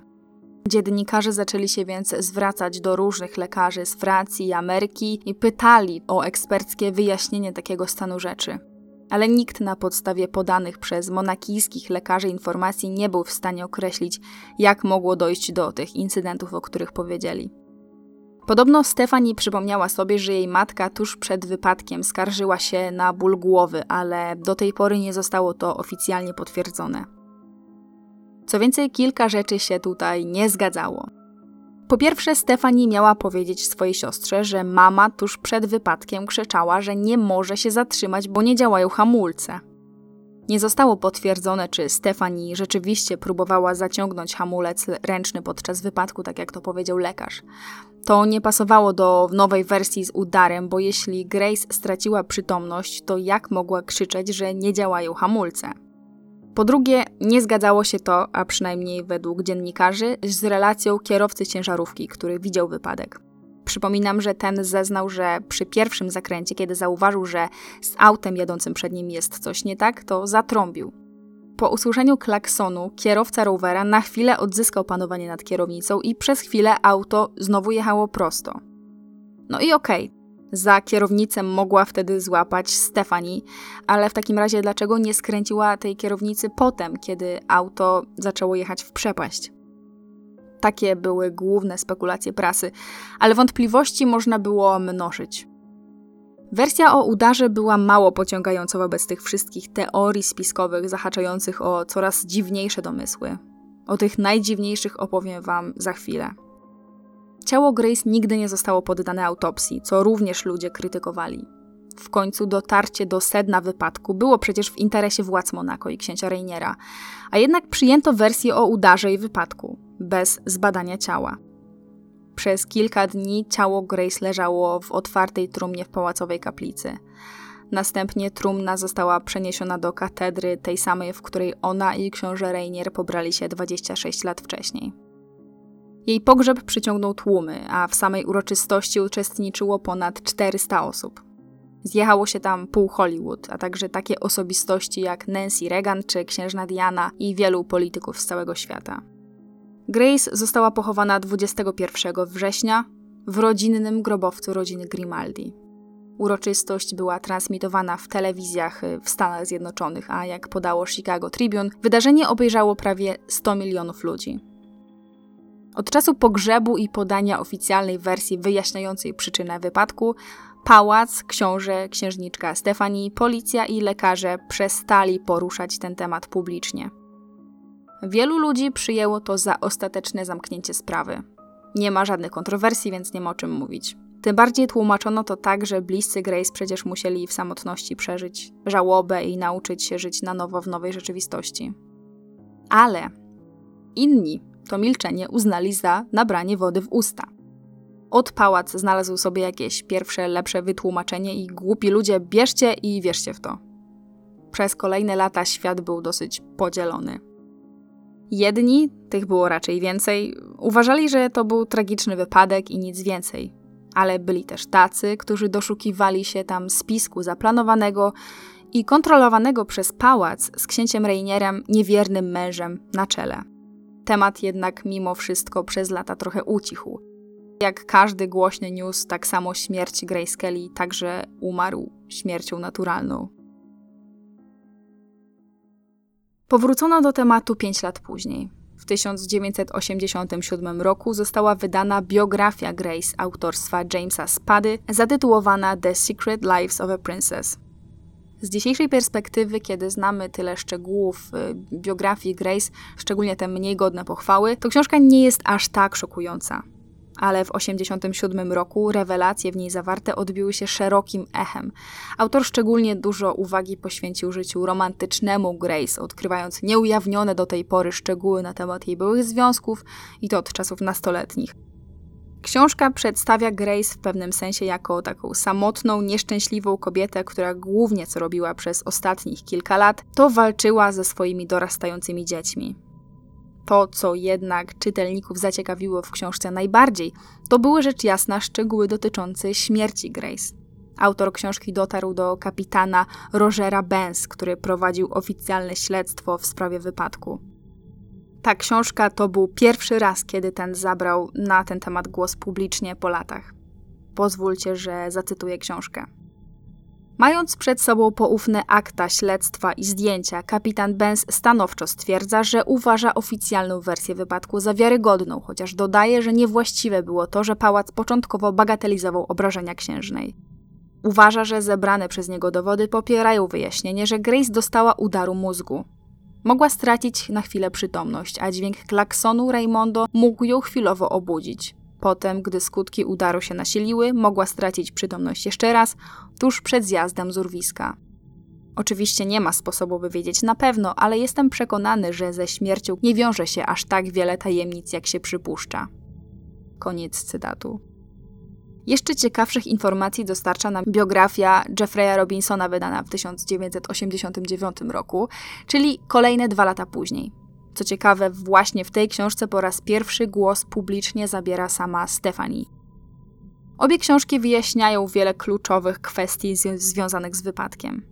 Pozwólcie więc, że w oparciu właśnie o głównie te dwie pozycje, chociaż nie tylko, bo jeszcze będzie tam kilka wywiadów, spróbuję się rozprawić z kilkoma mitami dotyczącymi śmierci Grace Kelly. Rzecz numer jeden. Kwestia tych rozbieżnych relacji pałacu, czyli dlaczego początkowo podano do informacji, że, że z Grace właściwie jest wszystko w porządku, a po kilku godzinach poinformowano, że umarła. Otóż, na ten temat wypowiedział się potem jeden z lekarzy ze szpitala, do którego trafiła Grace. W wywiadzie dla Timesa powiedział tak: Komunikaty pałacu miały charakter administracyjny, a nie medyczny co może sugerować, że zostały wydane bez żadnego porozumienia ze szpitalem. No dobrze, ale to dalej nie wyjaśniało skąd decyzja o właśnie takim komunikacie. Po latach wyszło, że problem leżał w niedoinformowaniu pracowników pałacu. Te kilka, kilkanaście godzin po wypadku nikt nic nie wiedział. W pałacu panował jeden wielki chaos, a książę Rainier był skupiony na żegnaniu się z żoną i nie dbał o to, by dostarczyć pałacowi pełen obraz sytuacji. Tyle, że pod pałacem w Monaco zebrali się już rządni szczegółów dziennikarze. Pech chciał, że Nadia Lacoste, szefowa biura prasowego pałacu, była akurat na wakacjach. I zastępujący ją w obowiązkach adiutant pałacowy nie był w stanie uzyskać potrzebnych informacji o tym, co się stało z Grace. Urzędnik podjął więc decyzję najgorszą z możliwych. Wydał oświadczenie, że w sumie to nic się nie stało, ale potrzebna jest dokładna obserwacja stanu księżnej. Wiecie, to miało być takie bezpieczne posunięcie, ale wyszło jeszcze gorzej. Co ciekawe, ten rzecznik poprosił też kapitana Benz, by potwierdził hipotezę o zepsutych hamulcach w rozmowie z prasą. Ale policjant odmówił, bo już wtedy, a to był chyba dzień po śmierci, czy dzień nawet śmierci, już wtedy był po wstępnym zbadaniu auta i miejsca wypadku i wiedział, że raczej do żadnej awarii hamulców nie doszło. Pięć lat później w biografii Grace Benz powiedział tak. Oryginalny komunikat z Monako, że Grace została ranna, ale jest z nią dobrze, wydaje się, że był nie tyle podstępem, co nieświadomym myśleniem życzeniowym. Nie tylko prasa otrzymała te optymistyczne wieści, ale także bliscy Grace z Ameryki, którym powiedziano, że sytuacja jest opanowana. Później pojawiły się doniesienia, że rodzina Grace w Filadelfii była wściekła na księcia Rainiera za ukrywanie przed nimi zakresu obrażeń Grace. Pracownicy pałacu nie wiedzieli, jak poważny był uraz głowy. Kiedy rozmawiałem z Rainierem w przeddzień jej śmierci, już wtedy powiedział mi, że sprawa jest bardzo poważna. W tej książce policjant wysnuwa też własną teorię, dlaczego Rainier milczał po wypadku. A to przecież właśnie milczenie księcia sprawiło między innymi, że wokół sprawy pojawiło się tyle niedomówień. Otóż Benz uważa, że Rainier po prostu spanikował. Wiecie, nagle znalazł się w środku tragedii, sam bez żony i jeszcze jako tak ważna osoba musiał podejmować jakieś ważne decyzje. A on zwyczajnie po prostu nie miał siły. Nie chciał rozmawiać w tamtej chwili z urzędnikami pałacu i służbą. Nie udało się wydobyć z niego najprostszych informacji, o czym policjant sam się przekonał, kiedy on sam próbował rozmawiać z pracownikami pałacu. Oni po prostu nie wiedzieli, co się dzieje. Rainier był tak pogrążony we własnym dramacie, że zapomniał, że wszystkie pytania, jakie zadają jemu i jego personelowi na temat Grace, to nie są tylko ich sprawy prywatne, ale no sprawy dość publiczne. Ale przejdźmy do kolejnej rzeczy, która doprowadzała publikę do czerwoności. Kto w rzeczywistości prowadził samochód? Stefani dość obszernie wypowiada się na ten temat w, w książce wydanej w 1989 roku, a potem po raz kolejny w wywiadzie dla Paris Match w roku 2002. Przyznała, że pamięta każdą minutę wypadku. Grace podczas jazdy nagle rozbalała głowa i Stefani miała wrażenie, że na chwilę straciła przytomność. Potem już tylko patrzyła, jak pozbawiony kontroli samochód jechał z pełną prędkością przez urwisko. Cytuję Stefani. Mamusia wpadła w całkowitą panikę. Chwyciłam hamulec ręczny, ale samochód nie chciał się zatrzymać. Próbowałam, ale po prostu nie mogłam zatrzymać samochodu. Rolnik, który usłyszał wypadek, opowiadał potem w licznych wywiadach, że osobiście wyciągnął Stefani przez okno kierowcy. Jego zdaniem wszystko wskazywało na to, że to właśnie Stefani prowadziła auto. Mówię o tym włoskim rolniku, który się tak chętnie wypowiadał do prasy. Ale Stefani pamiętała to nieco inaczej. Cytuję. Czy mama pomyliła pedał hamulca z pedałem gazu? Nie wiem, ale ja nie prowadziłam samochodu. Nagle znalazłam się skulona pod przestrzenią pod schowkiem. Straciłam przytomność w momencie, gdy samochód uderzał w ziemię. Pamiętam, jak zderzyłyśmy się z drzewem. Następną rzeczą, jaką mogę sobie przypomnieć, jest przebudzenie się i widok dymu wydobywającego się z auta. Myślałam, że samochód zaraz wybuchnie. Wiedziałam, że muszę się stamtąd wydostać i zabrać mamę, więc zaczęłam kopać nogami w drzwi. Drzwi pasażera były całkowicie zmiażdżone. Wyczołgałam się po jedynej dostępnej stronie, czyli od strony kierowcy. W wywiadzie dla Paris Match powiedziała z kolei tak: Ja nie prowadziłam, to oczywiste. W rzeczywistości zostałam sponiewierana po całym samochodzie, tak jak moja matka, którą katapultowało na tylne siedzenie.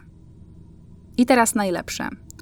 Okazuje się, że jedynym świadkiem, podkreślam jedynym świadkiem spośród wielu osób, które były na miejscu zdarzenia lub bezpośrednio widziały wypadek, jedyną osobą, która wyszła z insynuacjami o tym, że samochód prowadziła Stefani, był właśnie ten rolnik, starszy Włoch Sesto Lequio. Mimo, że większość świadków nie chciała podać swoich danych w prasie, to ten pan nie dość, że chętnie się swoim nazwiskiem podzielił, to jeszcze chętniej opowiadał mediom wszystko, co rzekomo widział i słyszał. Oczywiście za pieniądze. Jako jedyny podał mediom na przykład, że gasił pożar swoją gaśnicą, mimo że pozostali świadkowie nie wspominali o żadnym ogniu, a jedynie o iskrach, które zagasili wodą. Twierdził też, że uratował życie Stefanii, mówiąc, że niósł ją na własnych rękach. Mimo, że Stefani wydostała się z samochodu o własnych siłach, o czym sama mówiła. Wszyscy pozostali naoczni świadkowie, łącznie ze samą Stefani, obalili te wszystkie teorie. W jednej z biografii Grace można wyczytać tak, cytuję. Ten mężczyzna nie był w stanie odczytać własnego oświadczenia, ani podpisać się swoim nazwiskiem. W miejscu na podpis umieścił znak X. Niektóre z jego twierdzeń powtarzanych w gazetach były czystą fantazją. Twierdził, że księżna Grace z nim rozmawiała, ale wszyscy pozostali świadkowie, w tym żandarmi, którzy pierwsi przybyli na miejsce, przekonywali, że Grace była cały czas nieprzytomna i nie mogła nic mówić. Jedynym dowodem na zarzut Lequio, że Stefani prowadziła i punktem wyjścia do całej tej teorii był fakt, że Stefani wydostała się przez drzwi kierowcy. Kapitan Benz, zajmujący się sprawą, powiedział z kolei tak. Było jasne, że jedynym możliwym sposobem wyjścia Stefani jest przejście od strony kierowcy. Fakt, że wyczołgała się z tamtej strony, w żaden sposób nie wskazywał, że prowadziła samochód. To był jedyny sposób, w jaki mogła się wydostać. W jednym z wywiadów radiowych potwierdził to także lekarz, który zajmował się Grace przed śmiercią. Powiedział wyraźnie, że samochód zdecydowanie prowadziła Grace. Badanie fotografii wraku potwierdziło te słowa. Ta teoria o tym, że samochód prowadziła Stefani, tylko Monaco to ukryło, była nie tylko niedorzeczna, ale też potwornie krzywdząca. W 2002 roku 37-letnia Stefani po raz pierwszy zwierzyła się z tego, jak wszechobecne plotki, że to ona spowodowała wypadek, odbiły się na jej psychice. Dopiero niedawno zaczęłam sobie z tym radzić dzięki fachowej pomocy. Nadal nie jestem w stanie jechać tą drogą, nawet jeśli ktoś inny prowadzi. Zawsze proszę, aby wybrał inną trasę. Ale przynajmniej w końcu mogę o tym mówić bez płaczu, chociaż nadal ciężko mi się zdobyć na rozmowę z tatą. Jeśli o mnie chodzi, już umiem z tym żyć. Skoro ten temat został już poruszony, to pozwólcie, że zacytuję samego księcia Reiniera. Dziennikarze zrobili wszystko, co w ich mocy, aby historia toczyła się dalej i nie okazali wiele ludzkiego współczucia dla bólu, który przeżywaliśmy. To było straszne. Kiedy ciągle powtarzają historię, że Stefani prowadziła i wiedzą, że to nieprawda, kiedy wiedzą, że udowodniono, że nie prowadziła, to boli nas wszystkich. Ludzie nie wiedzą, do jakiego stopnia Stefani ucierpiała przez tę sytuację. Z perspektywy rodziny równie niedorzeczna wydaje się teoria sugerująca, że w tym wypadku maczał palce sam książę. On już na pogrzebie wyglądał jak wrak człowieka. Aktor Cary Grant wspominał po latach tak. Nigdy nie zapomnę, jak wyglądał tamtego dnia. O mój Boże, czy można wątpić, że ten mężczyzna kochał ją całym sercem? Czy kochał, czy nie kochał, dość trudno uwierzyć w to, że zapewniłby taki dramat nie tylko sobie czy Grace, ale przede wszystkim swoim dzieciom, w szczególności Stefani. Ale oczywiście nic nie jest niemożliwe. Co zatem z często pojawiającym się zarzutem, że Rainier blokował śledztwo policji? Cóż, śledztwo się odbyło. I powiem więcej. Policja, a dokładnie kapitan Roger Benz, sam osobiście śledztwo zamknął.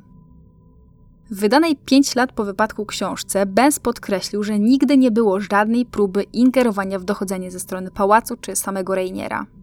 Cytuję.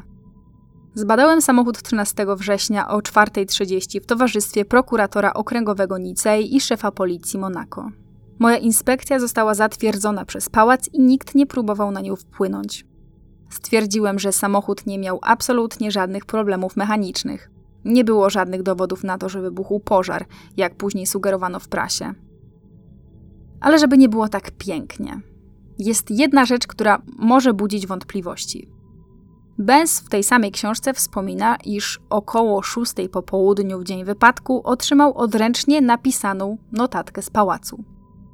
W tej notatce zwrócono mu uwagę na traktat między Francją a Monako, który zwalniał członków rodziny książęcej z możliwości ich przesłuchiwania.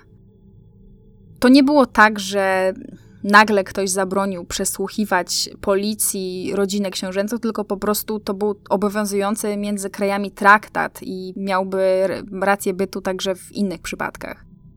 Notatka, którą otrzymał Benz, zawierała kserokopię odpowiednich klauzul traktatu. Benz więc oficjalnie nie mógł przeprowadzić przesłuchania ze Stefani, czy Reinierem, czy jakimkolwiek innym dzieckiem pary. Ale jednocześnie wiedział, że gdyby na francuskiej ziemi, a właśnie na francuskiej ziemi miał miejsce wypadek, gdyby doszło tam do poważnego przestępstwa z udziałem kogoś z rodziny Grimaldich, to mógłby uzyskać nakaz ekstradycji i to bez żadnego problemu. Benz przyjrzał się więc bardzo dokładnie sprawie w poniedziałkowy wieczór, na kilka godzin przed śmiercią Grace. W tej biografii opowiada nawet, że skontaktował się ze swoim prokuratorem generalnym w Nicei, który z kolei skontaktował się z francuskim ministrem spraw zagranicznych w Paryżu. Odpowiedź była taka, że oczywiście ekstradycja jest możliwa, jeśli Benz znajdzie jakiś dowód na to, że faktycznie doszło do przestępstwa ale po przeanalizowaniu swojego raportu uznał, że nie ma takich dowodów. Po prostu nie widział choćby śladu dowodu na to, że mogło się tam stać cokolwiek innego niż zwykły nieszczęśliwy wypadek. I to też nie wyglądało tak, że śledztwo zostało przeprowadzone jakoś szybko, w pośpiechu i po łebkach. Benz stworzył dość szczegółowy raport, więc no, raczej nie ma mowy o tym, by śledztwo w jakiś sposób zostało zatrzymane przez pałac. Poza oczywiście tą kwestią niemożności przesłuchania książęcej rodziny. Co i tak nie było decyzją samego Reiniera, a wynikało z umowy między Monako a Francją. Benz zdementował też inną plotkę, czyli tę sugerującą, że ktoś w jakiś sposób majstrował przy samochodzie przed wypadkiem. Cytuję. Hamulce i mechanizmy kierownicze zostały poważnie uszkodzone w wyniku wypadku, ale nie było śladów manipulacji. Żadnych przeciętych przewodów, żadnych połączeń, które zostałyby poluzowane. Było również jasne, że pałac serwisował samochód i utrzymywał go w bardzo dobrym stanie. Kiedy inżynierowie Rovera przybyli z Wielkiej Brytanii, aby przeprowadzić własną analizę samochodu, manipulacja przy aucie była jedną z głównych badanych możliwości. Ale doszli do wniosku, że nie ma dowodów na jakąkolwiek manipulację. Jedna z biografii Grace dość mocno skupia właśnie uwagę na kwestii precyzji i wiarygodności przeprowadzonego śledztwa. Można się z niej dowiedzieć, że Benz, który prowadził śledztwo, odpowiadał przed nicejskim prokuratorem generalnym, który przywiązywał bardzo dużą wagę do tego, co pisała prasa.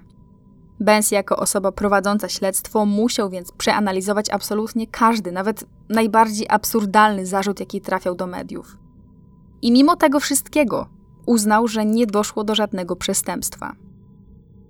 No dobrze, ale przecież nawet jeśli nie doszło do przestępstwa, to wciąż pozostawało wiele osób, które nie wierzyły w udar. Dobrze, był wypadek, ale co w takim razie go spowodowało? Dlaczego Grace prowadziła samochód, a nie szofer, skoro podobno tak nie lubiła jeździć? Dlaczego jej auto było wypełnione ubraniami? Czy chciała uciec od męża do kochanka? Czy kłóciła się z córką zakochaną w kierowcy rajdowym? Na to też mamy całkiem sporo dość logicznych wytłumaczeń. Zacznijmy od tego, dlaczego Grace prowadziła auto, mimo że A. nie lubiła tego robić i B. miała od tego szofera. Dokładną relację z tego dnia dostarczyła nam sama Stephanie. Grace tego dnia była umówiona ze swoim projektantem w Monako. Potrzebowała przerobić kilka sukienek przed wyjazdem tego wieczoru do Francji. Miały już kupione bilety na pociąg do Paryża, gdzie siedemnastolatka miała rozpocząć naukę w szkole mody. Około 9.30 Grace zapakowała na tylne siedzenie auta stos sukienek, starannie je rozłożyła, żeby się nie pogniotły. Prywatny szofer Grace, Christian Silvestri, już czekał na nie, gotowy, żeby je zawieźć z weekendowej posiadłości we Francji do pałacu w Monako. Tyle, że ze względu właśnie na te sukienki w aucie nie było miejsca dla trzech osób. Grace miała mu odpowiedzieć, że będzie po prostu łatwiej, jeśli one pojadą z córką same, a ona poprowadzi. Szofer trochę protestował. Powiedział, że to żaden problem i wyśle po inny samochód, który przywiezie im te sukienki. Ale Grace uznała, że to za dużo zachodu. Tym bardziej, że droga do domu była krótka i zajmowała zwykle około 35-40 minut. Właśnie dlatego rower był tamtego dnia wypchany sukienkami i kapeluszami, kiedy kobiety odjeżdżały spod posiadłości. Nie było raczej mowy o jakimś odejściu od męża, już tym bardziej już o cichej ucieczce do kochanka. Ona po prostu jechała do projektanta, który miał jej przerobić jej sukienki. Co zatem z teorią o kłótni ze Stefani? Tutaj już nie mamy pewności, jak było naprawdę, i nie sądzę, że kiedykolwiek się tego dowiemy. Stefani, mimo że po latach zdecydowała się na opowiedzenie szczegółów na temat wypadku, to już nigdy nie powiedziała mediom, o czym rozmawiała z matką w czasie tej ostatniej podróży. Cytuję.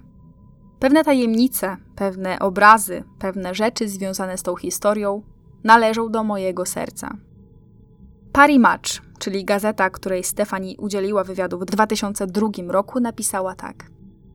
Choć przyznała, że w oczach innych zawsze będzie odpowiedzialna za śmierć matki, księżniczka powiedziała, że nie może czuć się winna.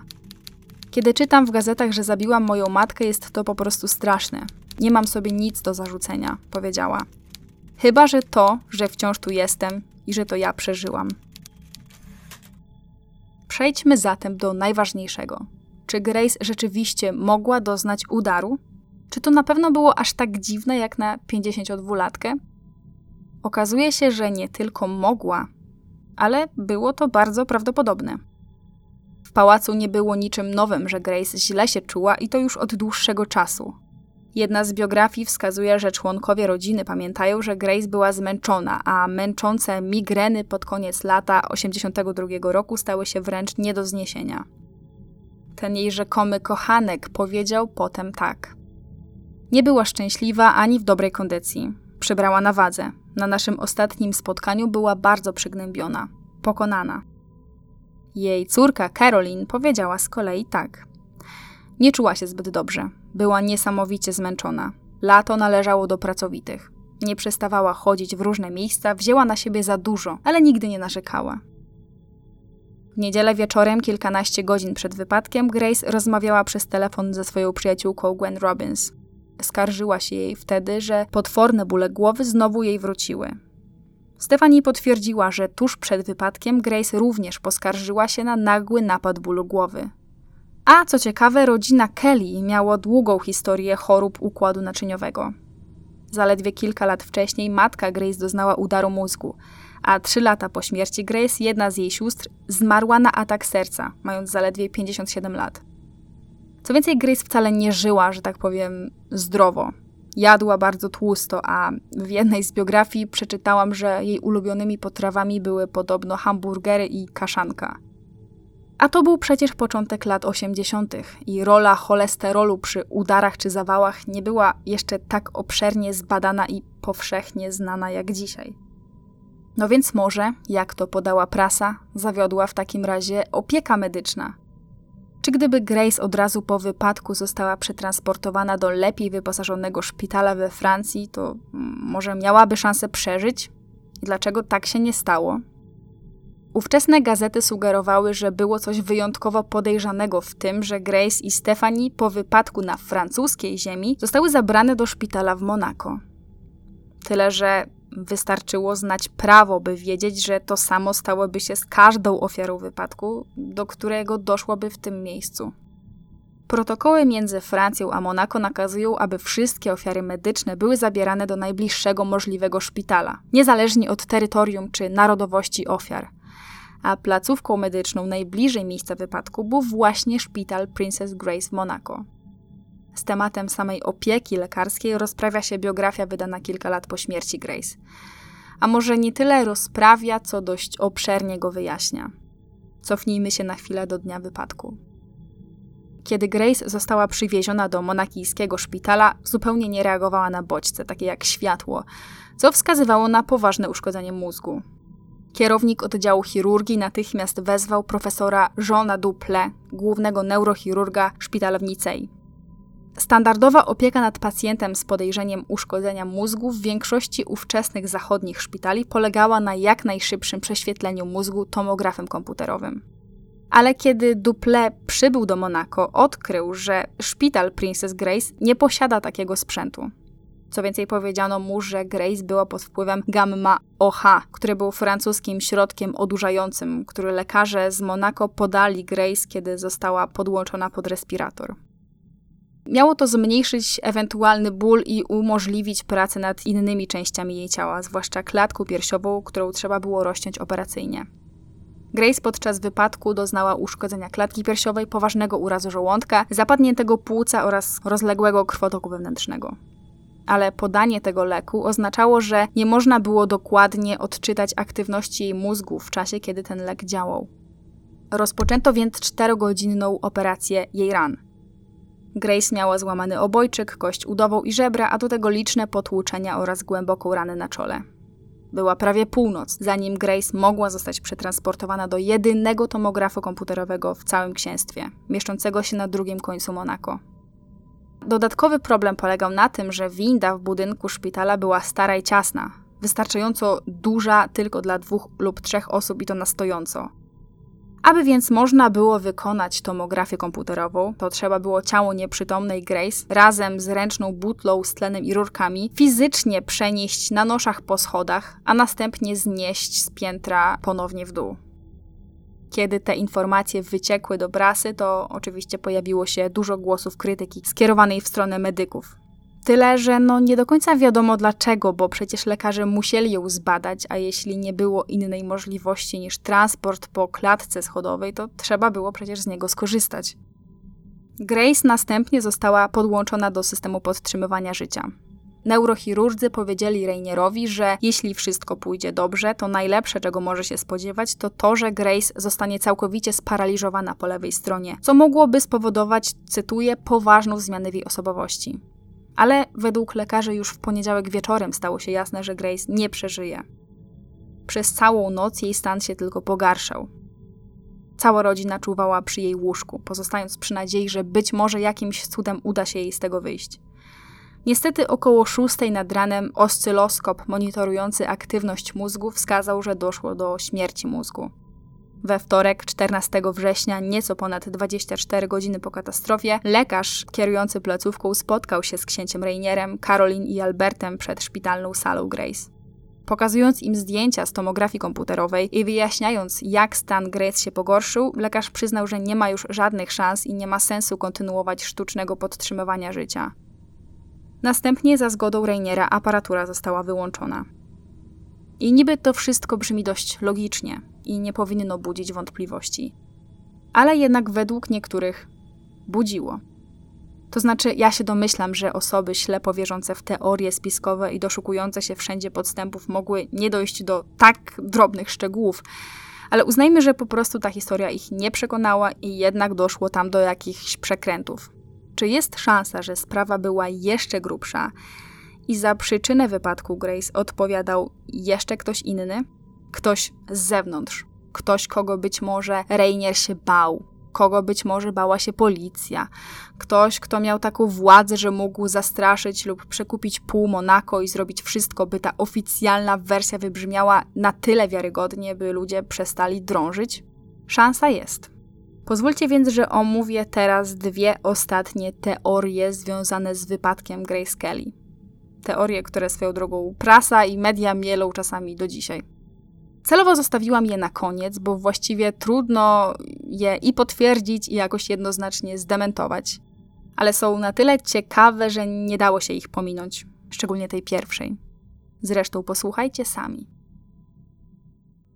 Przeglądając te nieco mniej oficjalne źródła niż biografię Grace, kilka razy na jakichś forach przewinęła mi się wzmianka o jakimś telewizyjnym filmie dokumentalnym, który był rzekomo wyemitowany w latach 90 miał być zatytułowany Secret Lives, ale niestety przetrzepałam cały internet i nie byłam w stanie go znaleźć. Ale znalazłam potwierdzenie na to, że taki dokument rzeczywiście został stworzony w jednej z książek. Dokument faktycznie istniał i nosił nazwę Secret Lives Grace Kelly, a po raz pierwszy został wyemitowany na brytyjskim Channel 4 21 grudnia 1997 roku. Tydzień później informacje, które pojawiły się w tym dokumencie, opisano także w artykule dla New York Post 28 grudnia 1997 roku. Artykuł był napisany przez Davida Cara Browna i Davida Coena, dokumentalistów i dziennikarzy śledczych. Nosił tytuł The Mystery of Princess Grace and the Temple of Doom, czyli Tajemnica Grace i Świątynia Zagłady. Brzmi diabelnie. Chyba już się domyślacie, w jakim kierunku ta historia zmierza. Otóż w 1996 roku, czyli rok przed publikacją tego artykułu, tych dwóch dziennikarzy pracowało nad filmem dokumentalnym o słynnej w tamtym czasie religijnej sekcie nazywającej się The Order of the Solar Temple, czyli tłumacząc na polski Zakon Świątyni Słonecznej, a w oryginalne, bo oryginalna nazwa była francuska. Ordre du Temple Solaire. Akronim OTS. Podczas pracy nad tym dokumentem ci dziennikarze zupełnie przypadkiem wpadli na zaskakujący trop, że rzekomo Grace Kelly oraz jej mąż byli członkami tego kultu i być może miało to jakiś związek z jej nagłą śmiercią. Jeden z biografów Grace wspomina co prawda, że lata przed śmiercią Grace szczególnie mocno interesowała się horoskopem ale czy tak pozornie niewinne hobby mogło się potoczyć dalej i przyczynić się do tak radykalnych kroków jak dołączenie do sekty? Okej, okay, zacznijmy od początku. Co to była za sekta i skąd w ogóle się wziął taki pomysł? Ostrzegam, będzie długo. O sekcie zrobiło się głośno w roku 94, ponad 10 lat po śmierci Grace, i właśnie przez to, że zrobiło się głośno, to dokumentaliści postanowili tę sprawę zbadać zakon, pozwólcie, że tak będę tę organizację nazywać, został stworzony jako jeden z wielu różnych odłamów zakonów powstałych na bazie idei zakonu templariuszy. W olbrzymim skrócie. Tego typu organizacje wywodzą się z XIX-wiecznej masonerii, kiedy ta przeżywała nieciekawy moment w swojej historii i dochodziło do pierwszych nieporozumień w loży masońskiej w Paryżu. W 1804 roku pewien paryski lekarz, właśnie z tej masońskiej loży paryskiej, ogłosił, że odkrył dokumenty świadczące o istnieniu nieprzerwanej działalności wielkich mistrzów templariuszy, którzy działają potajemnie od czasów ich stłumienia. A teraz, wraz z upadkiem monarchii francuskiej, mogą ponownie wyjść na jaw. Facet w pewnym stopniu zrekonstruował więc zakon templariuszy i ogłosił się wielkim mistrzem autonomicznego zakonu niezależnego od masonerii. Na uroczystą ceremonię zezwolił nawet sam Napoleon. Ten proceder dał początek tak zwanemu neotemplaryzmowi, który był niezależny od masonerii, choć w dużej mierze składał się z tak zwanych rycerzy, którzy jednocześnie pozostawali masonami. Mówię o tym nie bez przyczyny i dowiecie się niedługo dlaczego. W każdym razie w ciągu kolejnych 200 lat ten ruch doznał wielu schizm, a na bazie tego pierwszego zakonu powstały dziesiątki, a potem setki kolejnych odnóg, które niby były do siebie trochę podobne, ale każda trochę inna. W XX wieku już na całym świecie istniały niezależne zakony, które tworzyły własne drzewa genealogiczne, obejmujące zwykle tego pierwszego wielkiego mistrza z czasów rewolucji francuskiej. Jedną właśnie z takich grup, jednym z takich zakonów, był zakon świątyni słonecznej. Miał dwóch założycieli: Belga Luca Jure oraz Francuza Josefa Di Mambro. Di Mambro interesował się okultyzmem już w latach 50. W ciągu następnych lat założył Golden Way Foundation, która miała być niby fundacją, ale tak naprawdę była przykrywką do poszukiwania osób, które ciągnęłoby do okultystów. Właśnie w taki sposób poznał Jureta. Jure był homeopatycznym lekarzem, który organizował wykłady m.in. z filozofii New Age. Nowa organizacja utorowała im drogę do pozyskania nowych źródeł finansowania, ale też przyciągnęła uwagę wielu nowych obserwatorów. Pod koniec lat 70. założyli w Szwajcarii coś, co nazywało się Międzynarodową Organizacją Rycerską Tradycji Słonecznej. Potem założyli Zakon Świątyni Słonecznej. Wstęp do kultu mieli wyłącznie ci najbardziej uprzywilejowani członkowie tej poprzedniej organizacji. Warunkiem dołączenia było przekazanie im całych swoich aktyw pieniężnych, a także zgoda na ścisłe przestrzeganie zasad zakonu. Działalność kultu była mieszanką różnych filozofii i religii. Wierzyli w reinkarnację, coś tam brali z chrześcijanizmu, trochę z filozofii New Age, trochę z religii UFO, a trochę z rytuałów masońskich, z których w końcu daleko, daleko wstecz te zakony się wywodziły. Przede wszystkim wierzyli w ideę, że oryginalny zakon templariuszy nadal żyje, bo Di Mambro, czyli jeden z tych założycieli, w swoim poprzednim wcieleniu do niego należał. W jeszcze innym wcieleniu miał być samym Jezusem Chrystusem, więc domyślacie się, jak bardzo prali mózgi ludziom. Według książki jednego z byłych członków zakonu, cele kultu obejmowały, tu cytuję, ustanowienie właściwych pojęć władzy w świecie, afirmacja prymatu duchowości nad doczesnością, pomaganie ludzkości w wielkim przejściu, przygotowanie na drugie przyjście Chrystusa jako słonecznego Boga Króla i wspieranie zjednoczenia wszystkich kościołów. Ale to, co było najważniejsze, to fakt, że założyciele kultu przepowiadali katastrofalne zmiany środowiskowe, do których miało dojść przez to, co ludzie wyrządzają z planetą. Twierdzili, że jedyną opcją na przeżycie dla ludzkości, a te opcje mają mieć wyłącznie wybrańcy, którzy należą do zakonu, była podróż na gwiazdę Syriusz.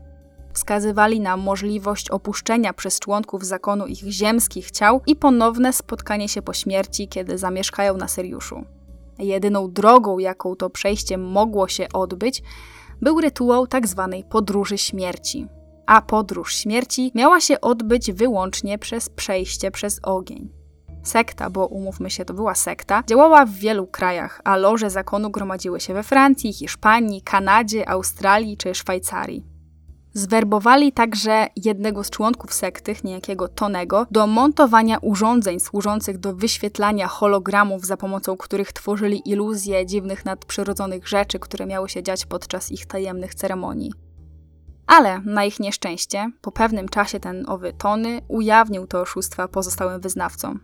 Sekta straciła przez to wielu członków. Tyle, że jak się nie trudno domyślić, no nie wszystkich. Liderzy zakonu podjęli więc decyzję, że zemszczą się na tym niewiernym Tonym i jego rodzinie. I to była zemsta potworna. Tutaj, jeśli słuchają mnie osoby bardzo wrażliwe, to proszę przewincie sobie to kilka minut do przodu. Otóż rządny z zemsty Dimambro ogłosił, że trzymiesięczny syn tego zdrajcy, Emanuel, jest antychrystem. 4 października 1994 roku wydał nakaz rytualnego zabójstwa dziecka i jego rodziców. Zdrajca Tony został dźgnięty nożem 50 razy, jego żona 8, a synek trzykrotnie, tyle że nie nożem, a drewnianym kołkiem. Ale to nie koniec. I tu przechodzimy do sedna wydarzeń, które rozsławią sektę na całym świecie. Bo wszystko to, co działo się do tej pory przez lata, było tajne. Owszem, no, sprawa była badana przez ekspertów od sekt, którzy śledzili poczynania grupy. Coś tam wiedziała też policja, ale tacy, że tak powiem, zwykli szarzy obywatele to o niczym raczej nie mieli pojęcia. 12 godzin po zabójstwie rodziny tego Tonego, pojawiło się doniesienie o pożarze w budynku na terenie Szwajcarii, jak się okazało, w jednej z loży sekty. To, co strażacy znaleźli na miejscu, to wstrząsnęło dosłownie całym światem. 22 ciała osób leżały na podłodze pokoju otoczonego lustrami oraz oknami zasłoniętymi czerwonymi kotarami. Ciała zostały ułożone w potworną aranżację na kształt słońca, także stopy były złączone, a ciała ludzi wyglądały jak promienie. Większość zwłok została okryta rytualnymi szatami kultu, a wielu z nich miało na głowach plastikowe reklamówki. Każda osoba została zastrzelona w głowę, niektóre z ofiar kilkukrotnie. Wśród ofiar były też dzieci, najmłodsze miało 12 lat. Kilka godzin później pożarowi uległ inny dom, jak się okazało także należący do zakonu. Na miejscu znaleziono 25 ciał ofiar. Wszyscy zmarli w wyniku przedawkowania narkotyków. Jednak, co najciekawsze, wśród tych osób znalazły się także zwłoki liderów kultu, czyli Josefa Di Mambro i Luca Jureta. Na terenie posiadłości znaleziono też taśmę, na której zapisany był fragment rozmowy między liderami. Cytuję: Juret, łako nas przebił. Mambro, moim zdaniem powinniśmy to byli zrobić pół roku przed nimi. To, co my zrobimy, będzie jeszcze bardziej spektakularne. To było oczywiste nawiązanie do masakry w teksańskim Waco z lutego 93 roku, a przypominam, że teraz jesteśmy w 94, gdzie samozwańczy prorok David Koresh mieszkał ze swoimi wyznawcami i gdzie doszło do słynnej strzelaniny z policją, w której zginęło ponad 80 osób. To tak w ogromnym skrócie. To ciekawe, że Juret i Dimambro porównywali się właśnie do Waco. Ale to nie koniec. Rok później doszło do kolejnych podobnych incydentów. Dwa zbiorowe samobójstwa członków zakonu miało miejsce na terenie Francji. To drugie było podobne do tych ze Szwajcarii. Ofiary również znaleziono ułożone w kształt słońca, również odurzone i zastrzelone oraz z torebkami na głowach. Masowe samobójstwa członków sekty, bo właśnie mianem samobójstw określała je wtedy policja, odbywały się łącznie przez 3 lata i łącznie zmarły 74 osoby. Wśród nich znalazło się wiele znaczących i wysoko postawionych Europejczyków, m.in. dwóch milionerów, jedna olimpijka, a także dwóch szwajcarskich policjantów. Oczywiście policja badała różne możliwości. Szwajcarskie władze zatrudniły nawet eksperta, historyka żona Francisa Meyera, który lata wcześniej uczestniczył w kilku wykładach Żureta i miał na koncie kilka publikacji na temat zakonu. No, było wiele wątpliwości, czy te ofiary rzeczywiście same odebrały sobie życie. Śledczy na niektórych ciałach odkryli siniaki, które sugerowały wcześniejszą długotrwałą przemoc. Wiele rodzin ofiar też nie zgadzało się z teorią o samobójstwach. Podkreślały, że niektóre z ciał były postrzelone wielokrotnie, co było niemal niemożliwe, gdyby same sobie to zrobiły. Szczególnie interesującym i dla wielu osób podejrzanym faktem było to, że liderzy grupy również zginęli podczas jednego z tych incydentów. Pojawiły się nawet plotki, że znalezione ciało Żureta, czyli jednego z liderów zakonu, nie było tak naprawdę jego, a on sam uciekł. Prasa drążyła temat do tego stopnia, że szwajcarski patolog pod naciskiem mediów i polityków jeszcze raz przebadał zwłoki, mimo że zostały zidentyfikowane na podstawie dokumentacji dentystycznej. Potwierdził po raz kolejny i oficjalnie, że na 99,9% liderzy zakonu zginęli w jednym z pożarów. Historyk badający kult jeszcze przed tą falą tragedii przypuszczał, że zakon mógł być przykrywką dla działalności przestępczej związanej z narkotykami, praniem brudnych pieniędzy i handlem z międzynarodowymi tajnymi służbami. Jednak byli członkowie zakonu przekonywali, że liderzy bez wątpienia musieli wierzyć w możliwość przedostania się na Syriusza przez rytuał ognia. Na podstawie listów przesłanych policji jakiś czas po pierwszej tragedii przypuszczano, że liderzy mogli sądzić, że zabijając członków zakonu w pewien sposób pomogli tym mniej oświeconym czy przebudzonym w przejściu na, że tak powiem, drugą stronę. Według innych teorii byli zagrożeni ze strony włoskich faszystów. I pozwólcie, że nie będę wchodzić w ten temat, bo to jest jak dziura bez dna.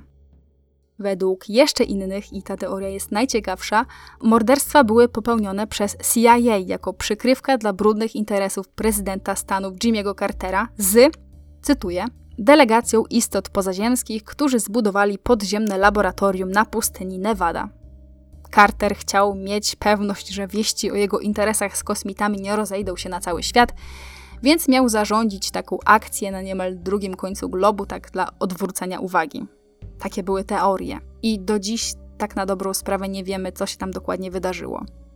Tylko teraz, co to wszystko ma wspólnego z Grace? Poza tym, że no wielu członków zakonu było Francuzami, a Monako położone jest w obrębie Riviery Francuskiej i jest połączone z Francją, Unią Celną. Jak wspomniałam już wcześniej, rok po ostatnim masowym samobójstwie dziennikarze David Carr Brown i David Cohen pracowali nad dokumentem o tej sekcie. Podlinkuję wam go w źródłach, bo dokument jest na YouTubie. Zdaje się, że to jest ten, ale nie jestem pewna. I właśnie podczas pracy nad tym dokumentem dotarli do ciekawego odkrycia. Cohen wspomina tak, cytuję. Pracowaliśmy nad tym dokumentem już od ponad roku i byliśmy prawie pewni, że znamy całą historię. Ale byli członkowie zakonu powiedzieli nam, że musimy jeszcze wyśledzić szefa ochrony Dimambro, czyli przypomnę jego, jednego z liderów sekty, bo był osobą, która znała wszystkie jego sekrety. Po długich poszukiwaniach dziennikarzom rzeczywiście udało się dotrzeć do tego szefa ochrony. Poznajemy go pod pseudonimem Georges Laroux. Mężczyzna zgodził się wystąpić w reportażu, który został wyemitowany na kanale czwartym w 1997 roku. Domniemany szofer Di Mambro nalegał jednak na zachowanie anonimowości ze względu na wciąż toczące się w sprawie kultu śledztwo policji. Cohen mówi dalej. Szofer był szczęśliwy, mogąc porozmawiać o swojej roli w zakonie, ale dopiero gdy spotkaliśmy się z nim kilka razy, wspomniał o Grace Kelly. Zawsze jedną z najbardziej niezwykłych rzeczy w zakonie była porażająca liczba bogatych i odnoszących sukcesu ludzi, którzy zostali jego członkami. Ale pomysł, że Grace Kelly może być jedną z nich, wydawał się nam zbyt daleko idący. Ale postanowiliśmy to zbadać. Dziennikarze dotarli do informacji, że Grace była, tu zacytuję, znana ze swojego żarłocznego apetytu seksualnego, przez to sfrustrowana ograniczeniami życia królewskiego. To dlatego miała się rzekomo zwrócić do zakonu w ostatnich miesiącach swojego życia. Jej ceremonia inicjacji miała się odbyć 15 czerwca 1982 roku, na dwa miesiące przed śmiercią w jednym z klasztorów w południowej Francji. Ci dokumentaliści potraktowali to trochę z przymrużeniem oka, ale zmienili zdanie, kiedy zgodził się z nimi porozmawiać rzekomy akupunkturzysta, również oczywiście anonimowy, który twierdził, że przygotowywał Grace do ceremonii inicjacji. Cytuję dalej. Na początku zastanawialiśmy się, czy nie był zmuszany do rozmowy z nami. Było oczywiste, że bał się świątyni. Jego opis, jak przygotował księżniczkę do ceremonii inicjacji, uspokajając ją akupunkturą, przekonał nas, że była gwiazda filmowa rzeczywiście stała się częścią kultu, szukając szczęścia na kilka miesięcy przed śmiercią. Na stronie scotsman.com znalazłam obszerny artykuł, który powstał na podstawie rozmowy z tymi dokumentalistami. Posłuchajcie tylko, jak drobiazgowo został opisany tam rytuał inicjacji Grace do sekty. Strażnicy stali wzdłuż trasy. Ich krótkofalówki się odzywały, gdy samochody mijały punkt kontrolny. To nie był pierwszy samochód, który tego dnia odbył czterogodzinną podróż z księstwa Monako do odległej francuskiej wioski. Ale najważniejsza była piękna pasażerka. Jej przyjazd został szczegółowo zaplanowany i nie oszczędzano na nim. Kaskady białych kwiatów, które zdobiły klasztor, były przeznaczone wyłącznie dla niej.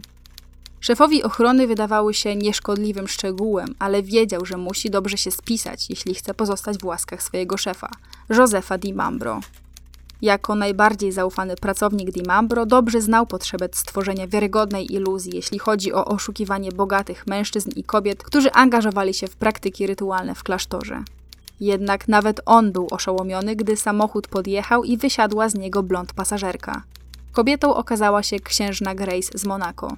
Już wkrótce miała przejść seksualną inicjację do morderczego kultu słonecznej świątyni. Najpierw została zabrana do komory, gdzie akupunkturzysta, którego do dziś nawiedzają jej intensywne niebieskie oczy, zaczął ją relaksować, umieszczając igły w punktach w ciele odpowiadających za przyjemność seksualną. Potem Grace dostała coś do picia, być może środek uspokajający. Około godziny 19, ubrana w białą szatę templariuszy z czerwonym krzyżem, została eskortowana w dół wewnętrznymi schodami do krypty klasztoru. Tam położyła się na ogromnym, okrągłym ołtarzu ozdobionym mieszaniną magicznych znaków i obrazów dwunastu apostołów. Gdy muzyka stawała się głośniejsza, skierowano pytanie do wyższych istot, czy zgadzają się, aby Grace została wysoką kapłanką zakonu. Odpowiedziały tak.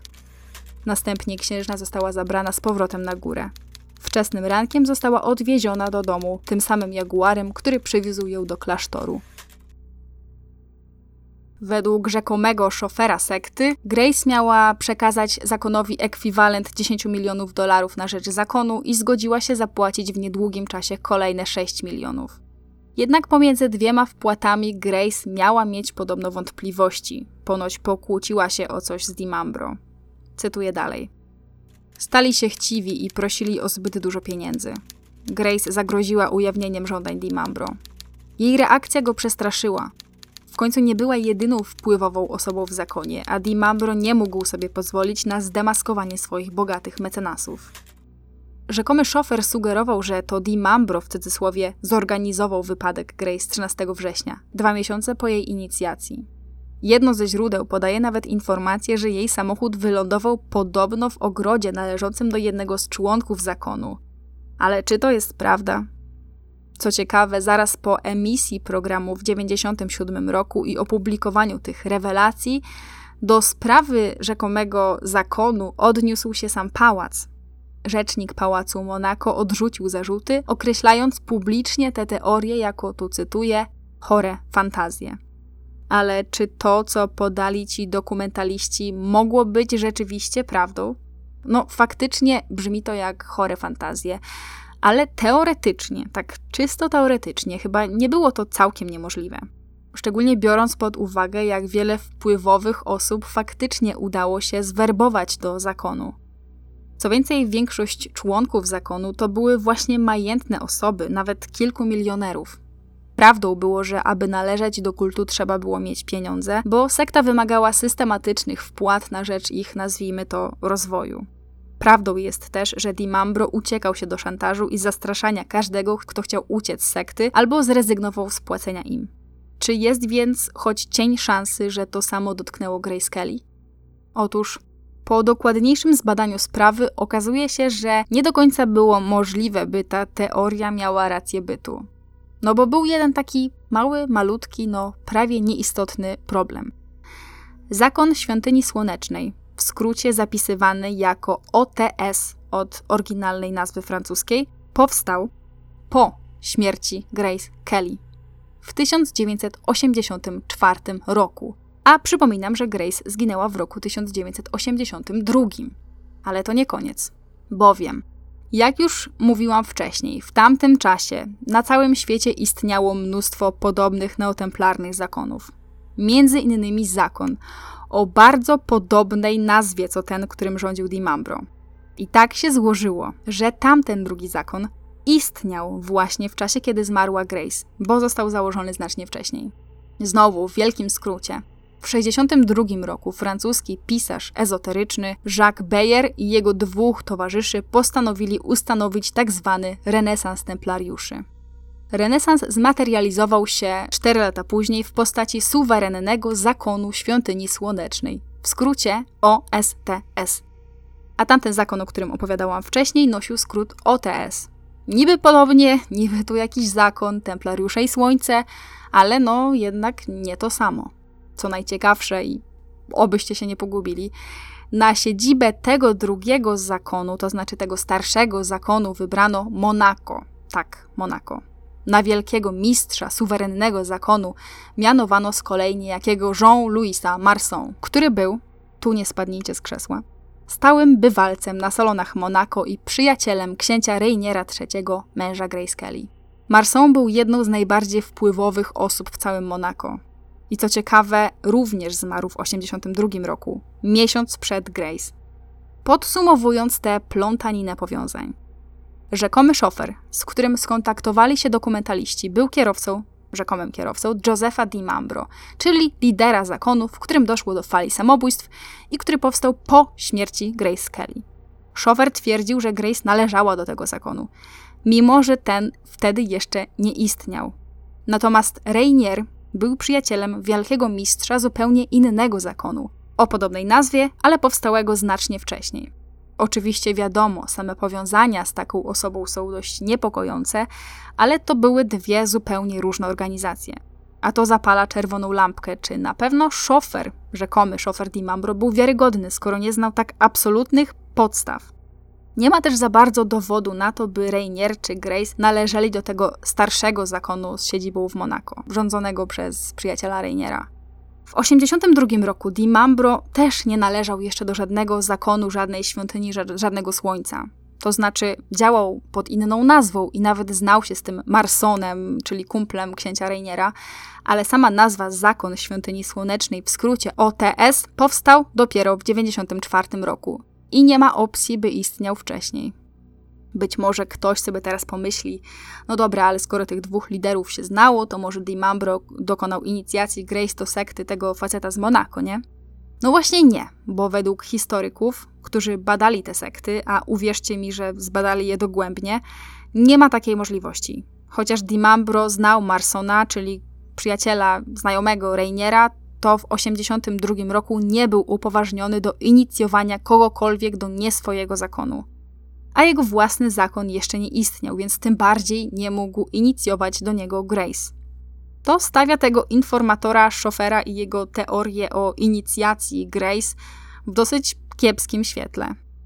Ale w jeszcze gorszym świetle stawia go jego własna biografia. Otóż ten mężczyzna, rzekomy szofer, twierdził, że nie chce podać swojego nazwiska, bo cały czas toczy się śledztwo w sprawie tych masowych morderstwo samobójstw na terenie Szwajcarii i Francji. Przedstawił się nie pod swoim nazwiskiem, tylko pod jakimś pseudonimem i pod tym samym pseudonimem wystąpił w programie na kanale czwartym. Tyle, że no tak się złożyło, że wielu byłych członków zakonu nadal żyło. I jakimś dziwnym trafem nikt nie rozpoznał w nim szofera czy kogokolwiek związanego kiedykolwiek z zakonem. Nie wiem niestety, czy pokazał w tym dokumencie swoją twarz, bo tak jak mówiłam, nie mam do niego dostępu, więc nie wiem, czy pokazał twarz, czy tylko głos, czy posturę, czy ci byli członkowie wywnioskowali to po tym, co mówił, ale nikt, podkreślam, nikt go nie kojarzył. Za to kojarzyła go szwajcarska i francuska policja. Okazało się, że prawdziwe imię i nazwisko tego samozwańczego szofera to Guy Muirin. Był byłym celnikiem i skazanym oszustem z pokaźną przeszłością kryminalną. Co więcej, szybko wyszło na jaw, że swoją historyjkę o Grace należącej do sekty próbował wcześniej sprzedać francuskim i szwajcarskim gazetom. Ale te próby były wielokrotnie odrzucane przez dziennikarzy śledczych. Właśnie z tego powodu, bo żaden były członek zakonu go nie kojarzył co więcej, nie miał żadnych dowodów na to, że kiedykolwiek był szoferem w sekcie, więc ta jego historia brzmiała dosłownie jak wyssana z palca. Tylko ci brytyjscy dokumentaliści jako jedyni dali wiarę jego opowieści i rozdmuchali te teorie na cały świat. To jednak nie koniec. Szwajcarski historyk Jean-Francis Meyer, który brał udział w oficjalnym śledztwie w sprawie tych samobójstw dokonanych w zakonie, potwierdził oficjalnie, że zarówno ten rzekomy szofer, jak i Grace Kelly nigdy nie zostali choćby słowem wspomnieni w oficjalnych, zachowanych dokumentach zakonu. Ani razu. A ciekawostka jest taka, że ten historyk jest jedną z osób, która wypowiada się jako ekspert w tym dokumencie tych brytyjskich dokumentalistów, którzy kręcili na temat zakonu więc no sami uznali go za wiarygodną osobę, a potem właśnie on zdementował ich szaloną teorię. Jest jeszcze jedna rzecz, której postanowiłam się przyjrzeć w związku z tą teorią.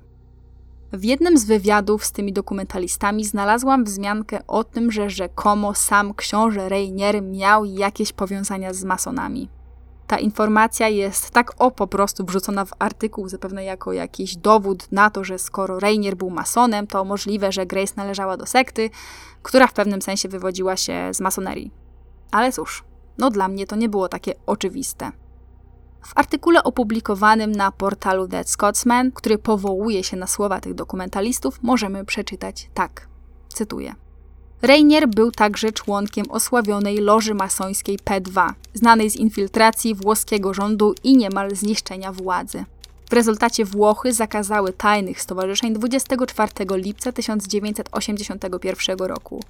Ale stało się to po tym, jak do prasy wyciekła lista członków loży. Gdy nazwisko Reiniera znalazło się w centrum uwagi, wstrząsnęło fundamentami, na których opierało się księstwo Monako. Powiem szczerze, że nie tylko fundamentami księstwa, ale i mną samą to wstrząsnęło. Ale niestety każde źródło, jakie wspominało o powiązaniach Reiniera z masonerią, powielało tę samą informację, że niby należał do jakiejś włoskiej loży masońskiej i że lista jej członków rzekomo wyciekła na jakiś czas przed śmiercią Grace. W jednym z artykułów na ten temat piszą nawet tak.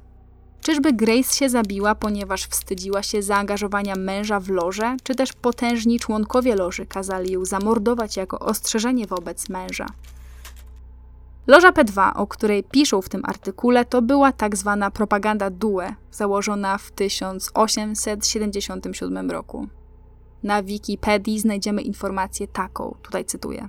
Jej statut masoński został wycofany w 1976 roku, czyli podkreślam kilka lat przed śmiercią Grace. Następnie przekształciła się w tajną, antykomunistyczną, antysowiecką, antylewicową, pseudomasońską i radykalnie prawicową organizację działającą wbrew konstytucji Włoch, zakazującej tajnych stowarzyszeń. Czyli jednak konstytucja zakazała działania tajnych stowarzyszeń wcześniej niż podaje to ten pierwszy artykuł? Jak dowiadujemy się dalej, organizacja należała do powojennego podziemia faszystowskiego we Włoszech i miała uniemożliwić, by do władzy w drodze wyborów doszli komuniści. I rzeczywiście, w marcu 1981 roku, ponad półtora roku przed śmiercią Grace Kelly, wyciekła lista członków tej loży. W maju tego samego roku włoski rząd tę listę opublikował. Znalazło się na niej sporo osobistości: ministrowie, generałowie, wydawcy gazet, potentaci telewizyjni, bankierzy, dziennikarze, profesorowie uniwersytetów, między innymi nawet Silvio Berlusconi. Tylko jakoś tak księcia Reiniera brak.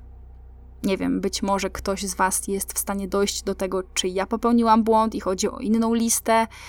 Ale no, w 81 roku wypłynęła tylko jedna taka lista loży P2 i nigdzie nie ma choćby wzmianki o księciu Reinierze.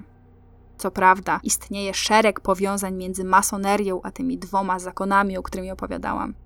Niektórzy członkowie tego starszego zakonu oficjalnie należeli do francuskich organizacji masońskich. Zakony przejęły też wiele swoich rytuałów właśnie od masonów. Co więcej, w pewnym momencie dziennikarze znaleźli nawet powiązania między Di Mambro, czyli liderem zakonu, który rzekomo zwerbował Grace, a lożą masońską P2, w której rzekomo był Rainier. Co więcej, podobno nieżyjący już Rainier za życia surowo zakazywał lóż masońskich w Monako. A zresztą, i nawet gdyby sam do nich należał, to jaki jest dowód na to, że Grace była powiązana z kultem? Nie wiem, dajcie znać, co wy sądzicie o tej teorii.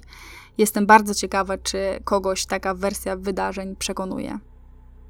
Jest jeszcze jedna teoria dotycząca śmierci Grace Kelly. Mafia. I to włoska i rosyjska. Szukając jakichś aktualnych źródeł na ten temat, znalazłam artykuł napisany w zeszłym roku, który pojawił się na łamach The Loyal Observer. Tekst jest oparty o rzekome dwuletnie śledztwo byłego francuskiego sędzi Jacques'a Bidalou, który, tu cytuję, poświęcił tysiące dolarów z własnych pieniędzy na zbadanie sprawy Grace Kelly. Co takiego odkrył? No cóż, poza powielaniem obalonych już oczywistości, takich jak to, że policyjni eksperci nigdy nie zbadali samochodu Grace, albo że ten został szybko wywieziony z miejsca zdarzenia, albo że nigdy nie przeprowadzono autopsji Grace, znalazł się jeden ciekawy smaczek. Cytuję. Odkryłem dowody sugerujące, że mafia chciała wyeliminować Grace, aby powstrzymać ją przed ingerowaniem w ich nielegalną działalność biznesową w Monako i że kazali swoim poplecznikom ją zabić. O dziwo, kiedy napisałem do księcia Reiniera, informując go o tym, nie otrzymałem odpowiedzi. Złożyłem nawet pozew cywilny w sądzie w Nicei, żądając oficjalnego śledztwa w sprawie śmierci Grace. Został odrzucony. Sędzia, o którym mówię, twierdzi nawet, że brat Grace, Jack Kelly, który już nie żyje, miał powiedzieć niedługo po wypadku, że początkowo sądził, że za wszystkim stoi właśnie mafia. Grace miała być przerażona skorumpowaną atmosferą panującą w Monako i wielokrotnie próbowała przekonać męża, że nie potrzebują pieniędzy mafii, by rozbudować księstwo. Ale korupcja była zbyt głęboko zakorzeniona, by dało się ją powstrzymać. Inwestorzy mafijni, którzy wykorzystywali Monako do prania brudnych pieniędzy, a Monako było przecież siedzibą jednych z najsłynniejszych kasyn na świecie, byli podobno wściekli na Grace, która planowała posprzątać to miejsce i się ich pozbyć. Cytuję dalej tego byłego sędziego. Wielu wtajemniczonych jest przekonanych, że w dniu śmierci Grace zabójcy czekali na jej samochód, gdy zjeżdżała ze zbocza góry. Twierdzą, że bandyta wystrzelił kilka kul w przednią szybę, trafiając Grace w głowę, co spowodowało ogromne rany. Teoria zabójstwa wyjaśnia również, dlaczego księżna Grace w swojej trumnie miała na sobie specjalnie zaprojektowaną perukę i woskową maskę na twarzy, aby nadać jej gładki wygląd bez ran, gdy leżała w kaplicy w pałacu Grimaldi. Sędzia sugeruje, że mimo oficjalnego wyjaśnienia o udarze, tu znów zacytuję, międzynarodowi obserwatorzy medyczni mają wątpliwości, czy rzeczywiście do niego doszło. Dowodem na tę teorię miał być też fakt, że po śmierci Grace aktywność mafii w Monako wzrosła. W 1993 roku oficjalny raport rządu francuskiego publicznie nazwał Monako przystanią mafii. Cytuję jeszcze artykuł. Nigdy nie poznamy zakresu tuszowania sprawy śmierci Grace, powiedział kiedyś bliski członek rodziny królewskiej, ponieważ książę Rainier, który zmarł w 2005 roku, zrobił wszystko, co w jego mocy, aby śmierć jego żony była tematem tabu. Czy mafia rzeczywiście zrobiła sobie w Monako takie Eldorado? A i owszem, i to Eldorado nadal trwa. I to jest temat tak obszerny, że można by z tego zrobić nie tylko osobny odcinek, ale i pewnie całą serię. Ogólnie do dzisiaj uważa się, że mafia trzyma w garści całą śmietankę towarzyską z Monako. Teoretycznie jest więc możliwe, że chcieli uciszyć Grace, a Rainier bał się utraty wpływów. Albo na przykład bał się o życie swoich dzieci. Ale czy faktycznie tak było? Ten francuski sędzia twierdził, że ma na to dowody. Ja niestety przeszukałam pół internetu i sporo biografii na temat Grace i nigdzie takich dowodów nie mogę znaleźć. W innym źródle znalazłam teorię, która mówi o motocyklu, na którym jechali zamaskowani mężczyźni, którzy mieli zepchnąć samochód Grace ze skarpy. W zamach miał być zaangażowany nawet kierowca ciężarówki, który był oficjalnym i jedynym świadkiem, który widział zdarzenie. Zwolennicy tej teorii przypisują mu rolę zasłaniającego auto Grace przed innymi potencjalnymi świadkami. Ponoć książę Rainier kilka miesięcy wcześniej miał dostawać anonimowe pogróżki. Żądano od niego zezwolenia na obrót nieruchomościami w Monako dla jednej z włoskich firm, bo w przeciwnym razie ktoś z jego bliskich zginie. Zacytuję źródło. Za kolejne potwierdzenie tego motocyklowego zamachu uważa się rzekome ostatnie słowa księżnej przytaczane przez jej córkę. Grace miała powiedzieć nic nie widzę, co dla wielu było jednoznaczne z celowym oślepieniem. A to było popularną metodą ówczesnych zamachowców. Z tym ostatnim mam pewien problem, bo według moich źródeł Grace wcale nie powiedziała, że nic nie widzi, ale że ponoć nie może wcisnąć hamulca, Jedno ze źródeł w języku polskim pisze z kolei tak, tu cytuję: Nie od dziś wiadomo, że Grimaldi wchodził w bliskie relacje z włoską mafią. Czy rzeczywiście wchodził w bliskie relacje i nie od dziś to wiadomo? Na to potwierdzenia tak na dobrą sprawę nie znalazłam. Niektóre źródła podają, że było wręcz przeciwnie, że zaczął tracić moc w państwie właśnie przez działalność mafii. Rainier sam wypowiedział się na, na temat tej teorii w jednej z biografii Grace. Cytuję.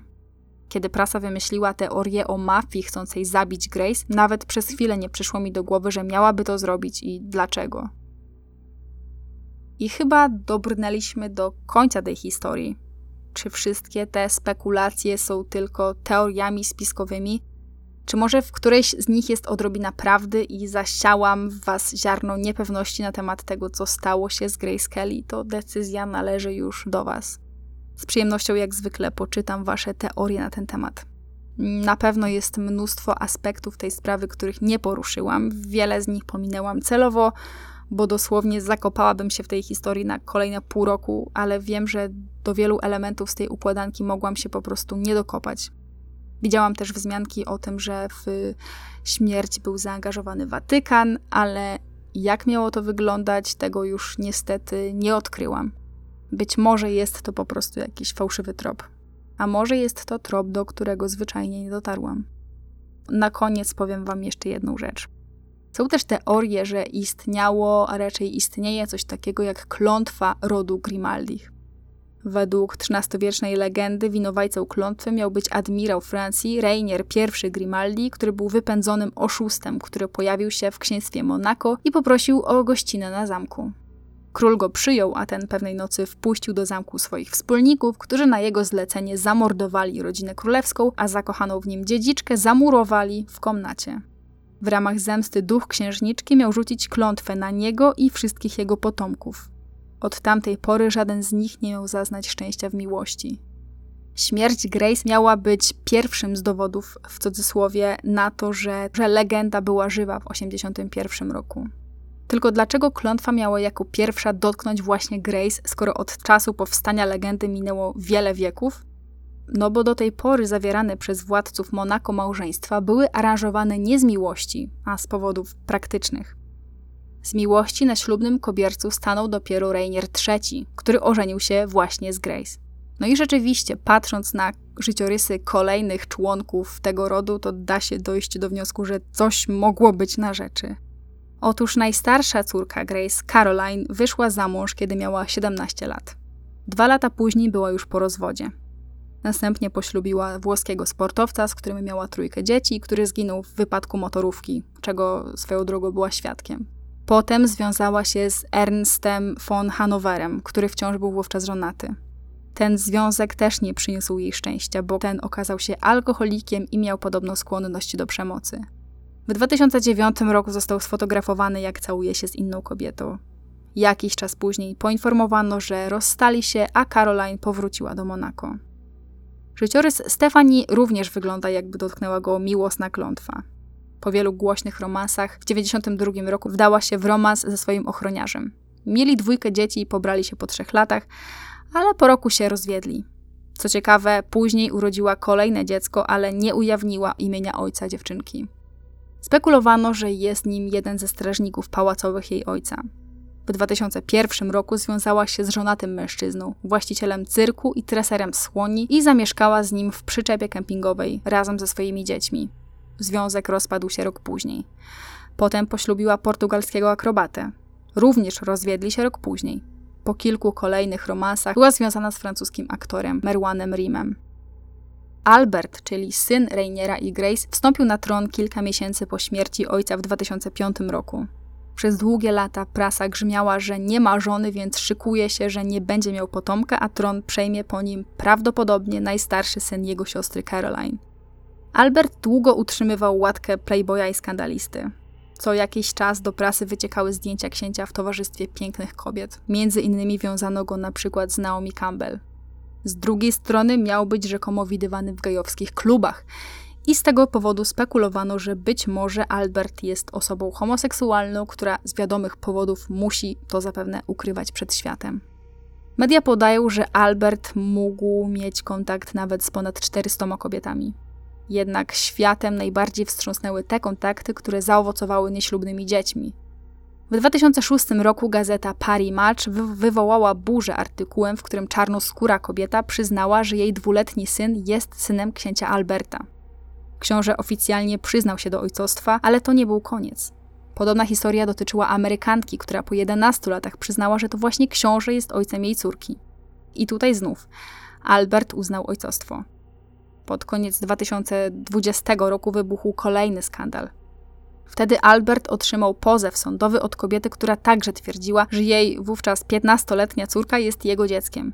A tylko napomknę, że w tym czasie Albert miał już żonę, bo w 2011 roku w wieku 53 lat poślubił pływaczkę Charlene Whitstock. Książę Rainier nigdy nie ożenił się już ponownie. Zmarł w 2005 roku. Z kolei Oleg Cassini, ukochany Grace, z którym spotykała się tuż przed Rainierem, zmarł w 2006 roku. Mimo, że sam ożenił się w latach 70., to do końca życia w każdym wywiadzie powracał do tematu Grace, podkreślając, że była jego wielką miłością. I to już oficjalnie koniec historii zagadkowego życia i jeszcze bardziej zagadkowej śmierci Grace Kelly. Stała się legendą jeszcze za życia, ale to dopiero jej tragiczny wypadek zacementował ten status na wieki. Podobno na jakiś czas przed śmiercią mówiła, że ma przeczucie, że niedługo umrze. Więc może rzeczywiście coś było na rzeczy? Dajcie znać, czy któraś z tych teorii spiskowych wydaje się Wam wiarygodna. A może macie w zanadrzu jeszcze jakąś teorię, o której tutaj nie wspomniałam? Otwieram dyskusję. A wszyscy, którzy dotarli do końca, niech napiszą w komentarzu, Życie to nie bajka. Dziękuję bardzo za wysłuchanie i do następnego. Cześć.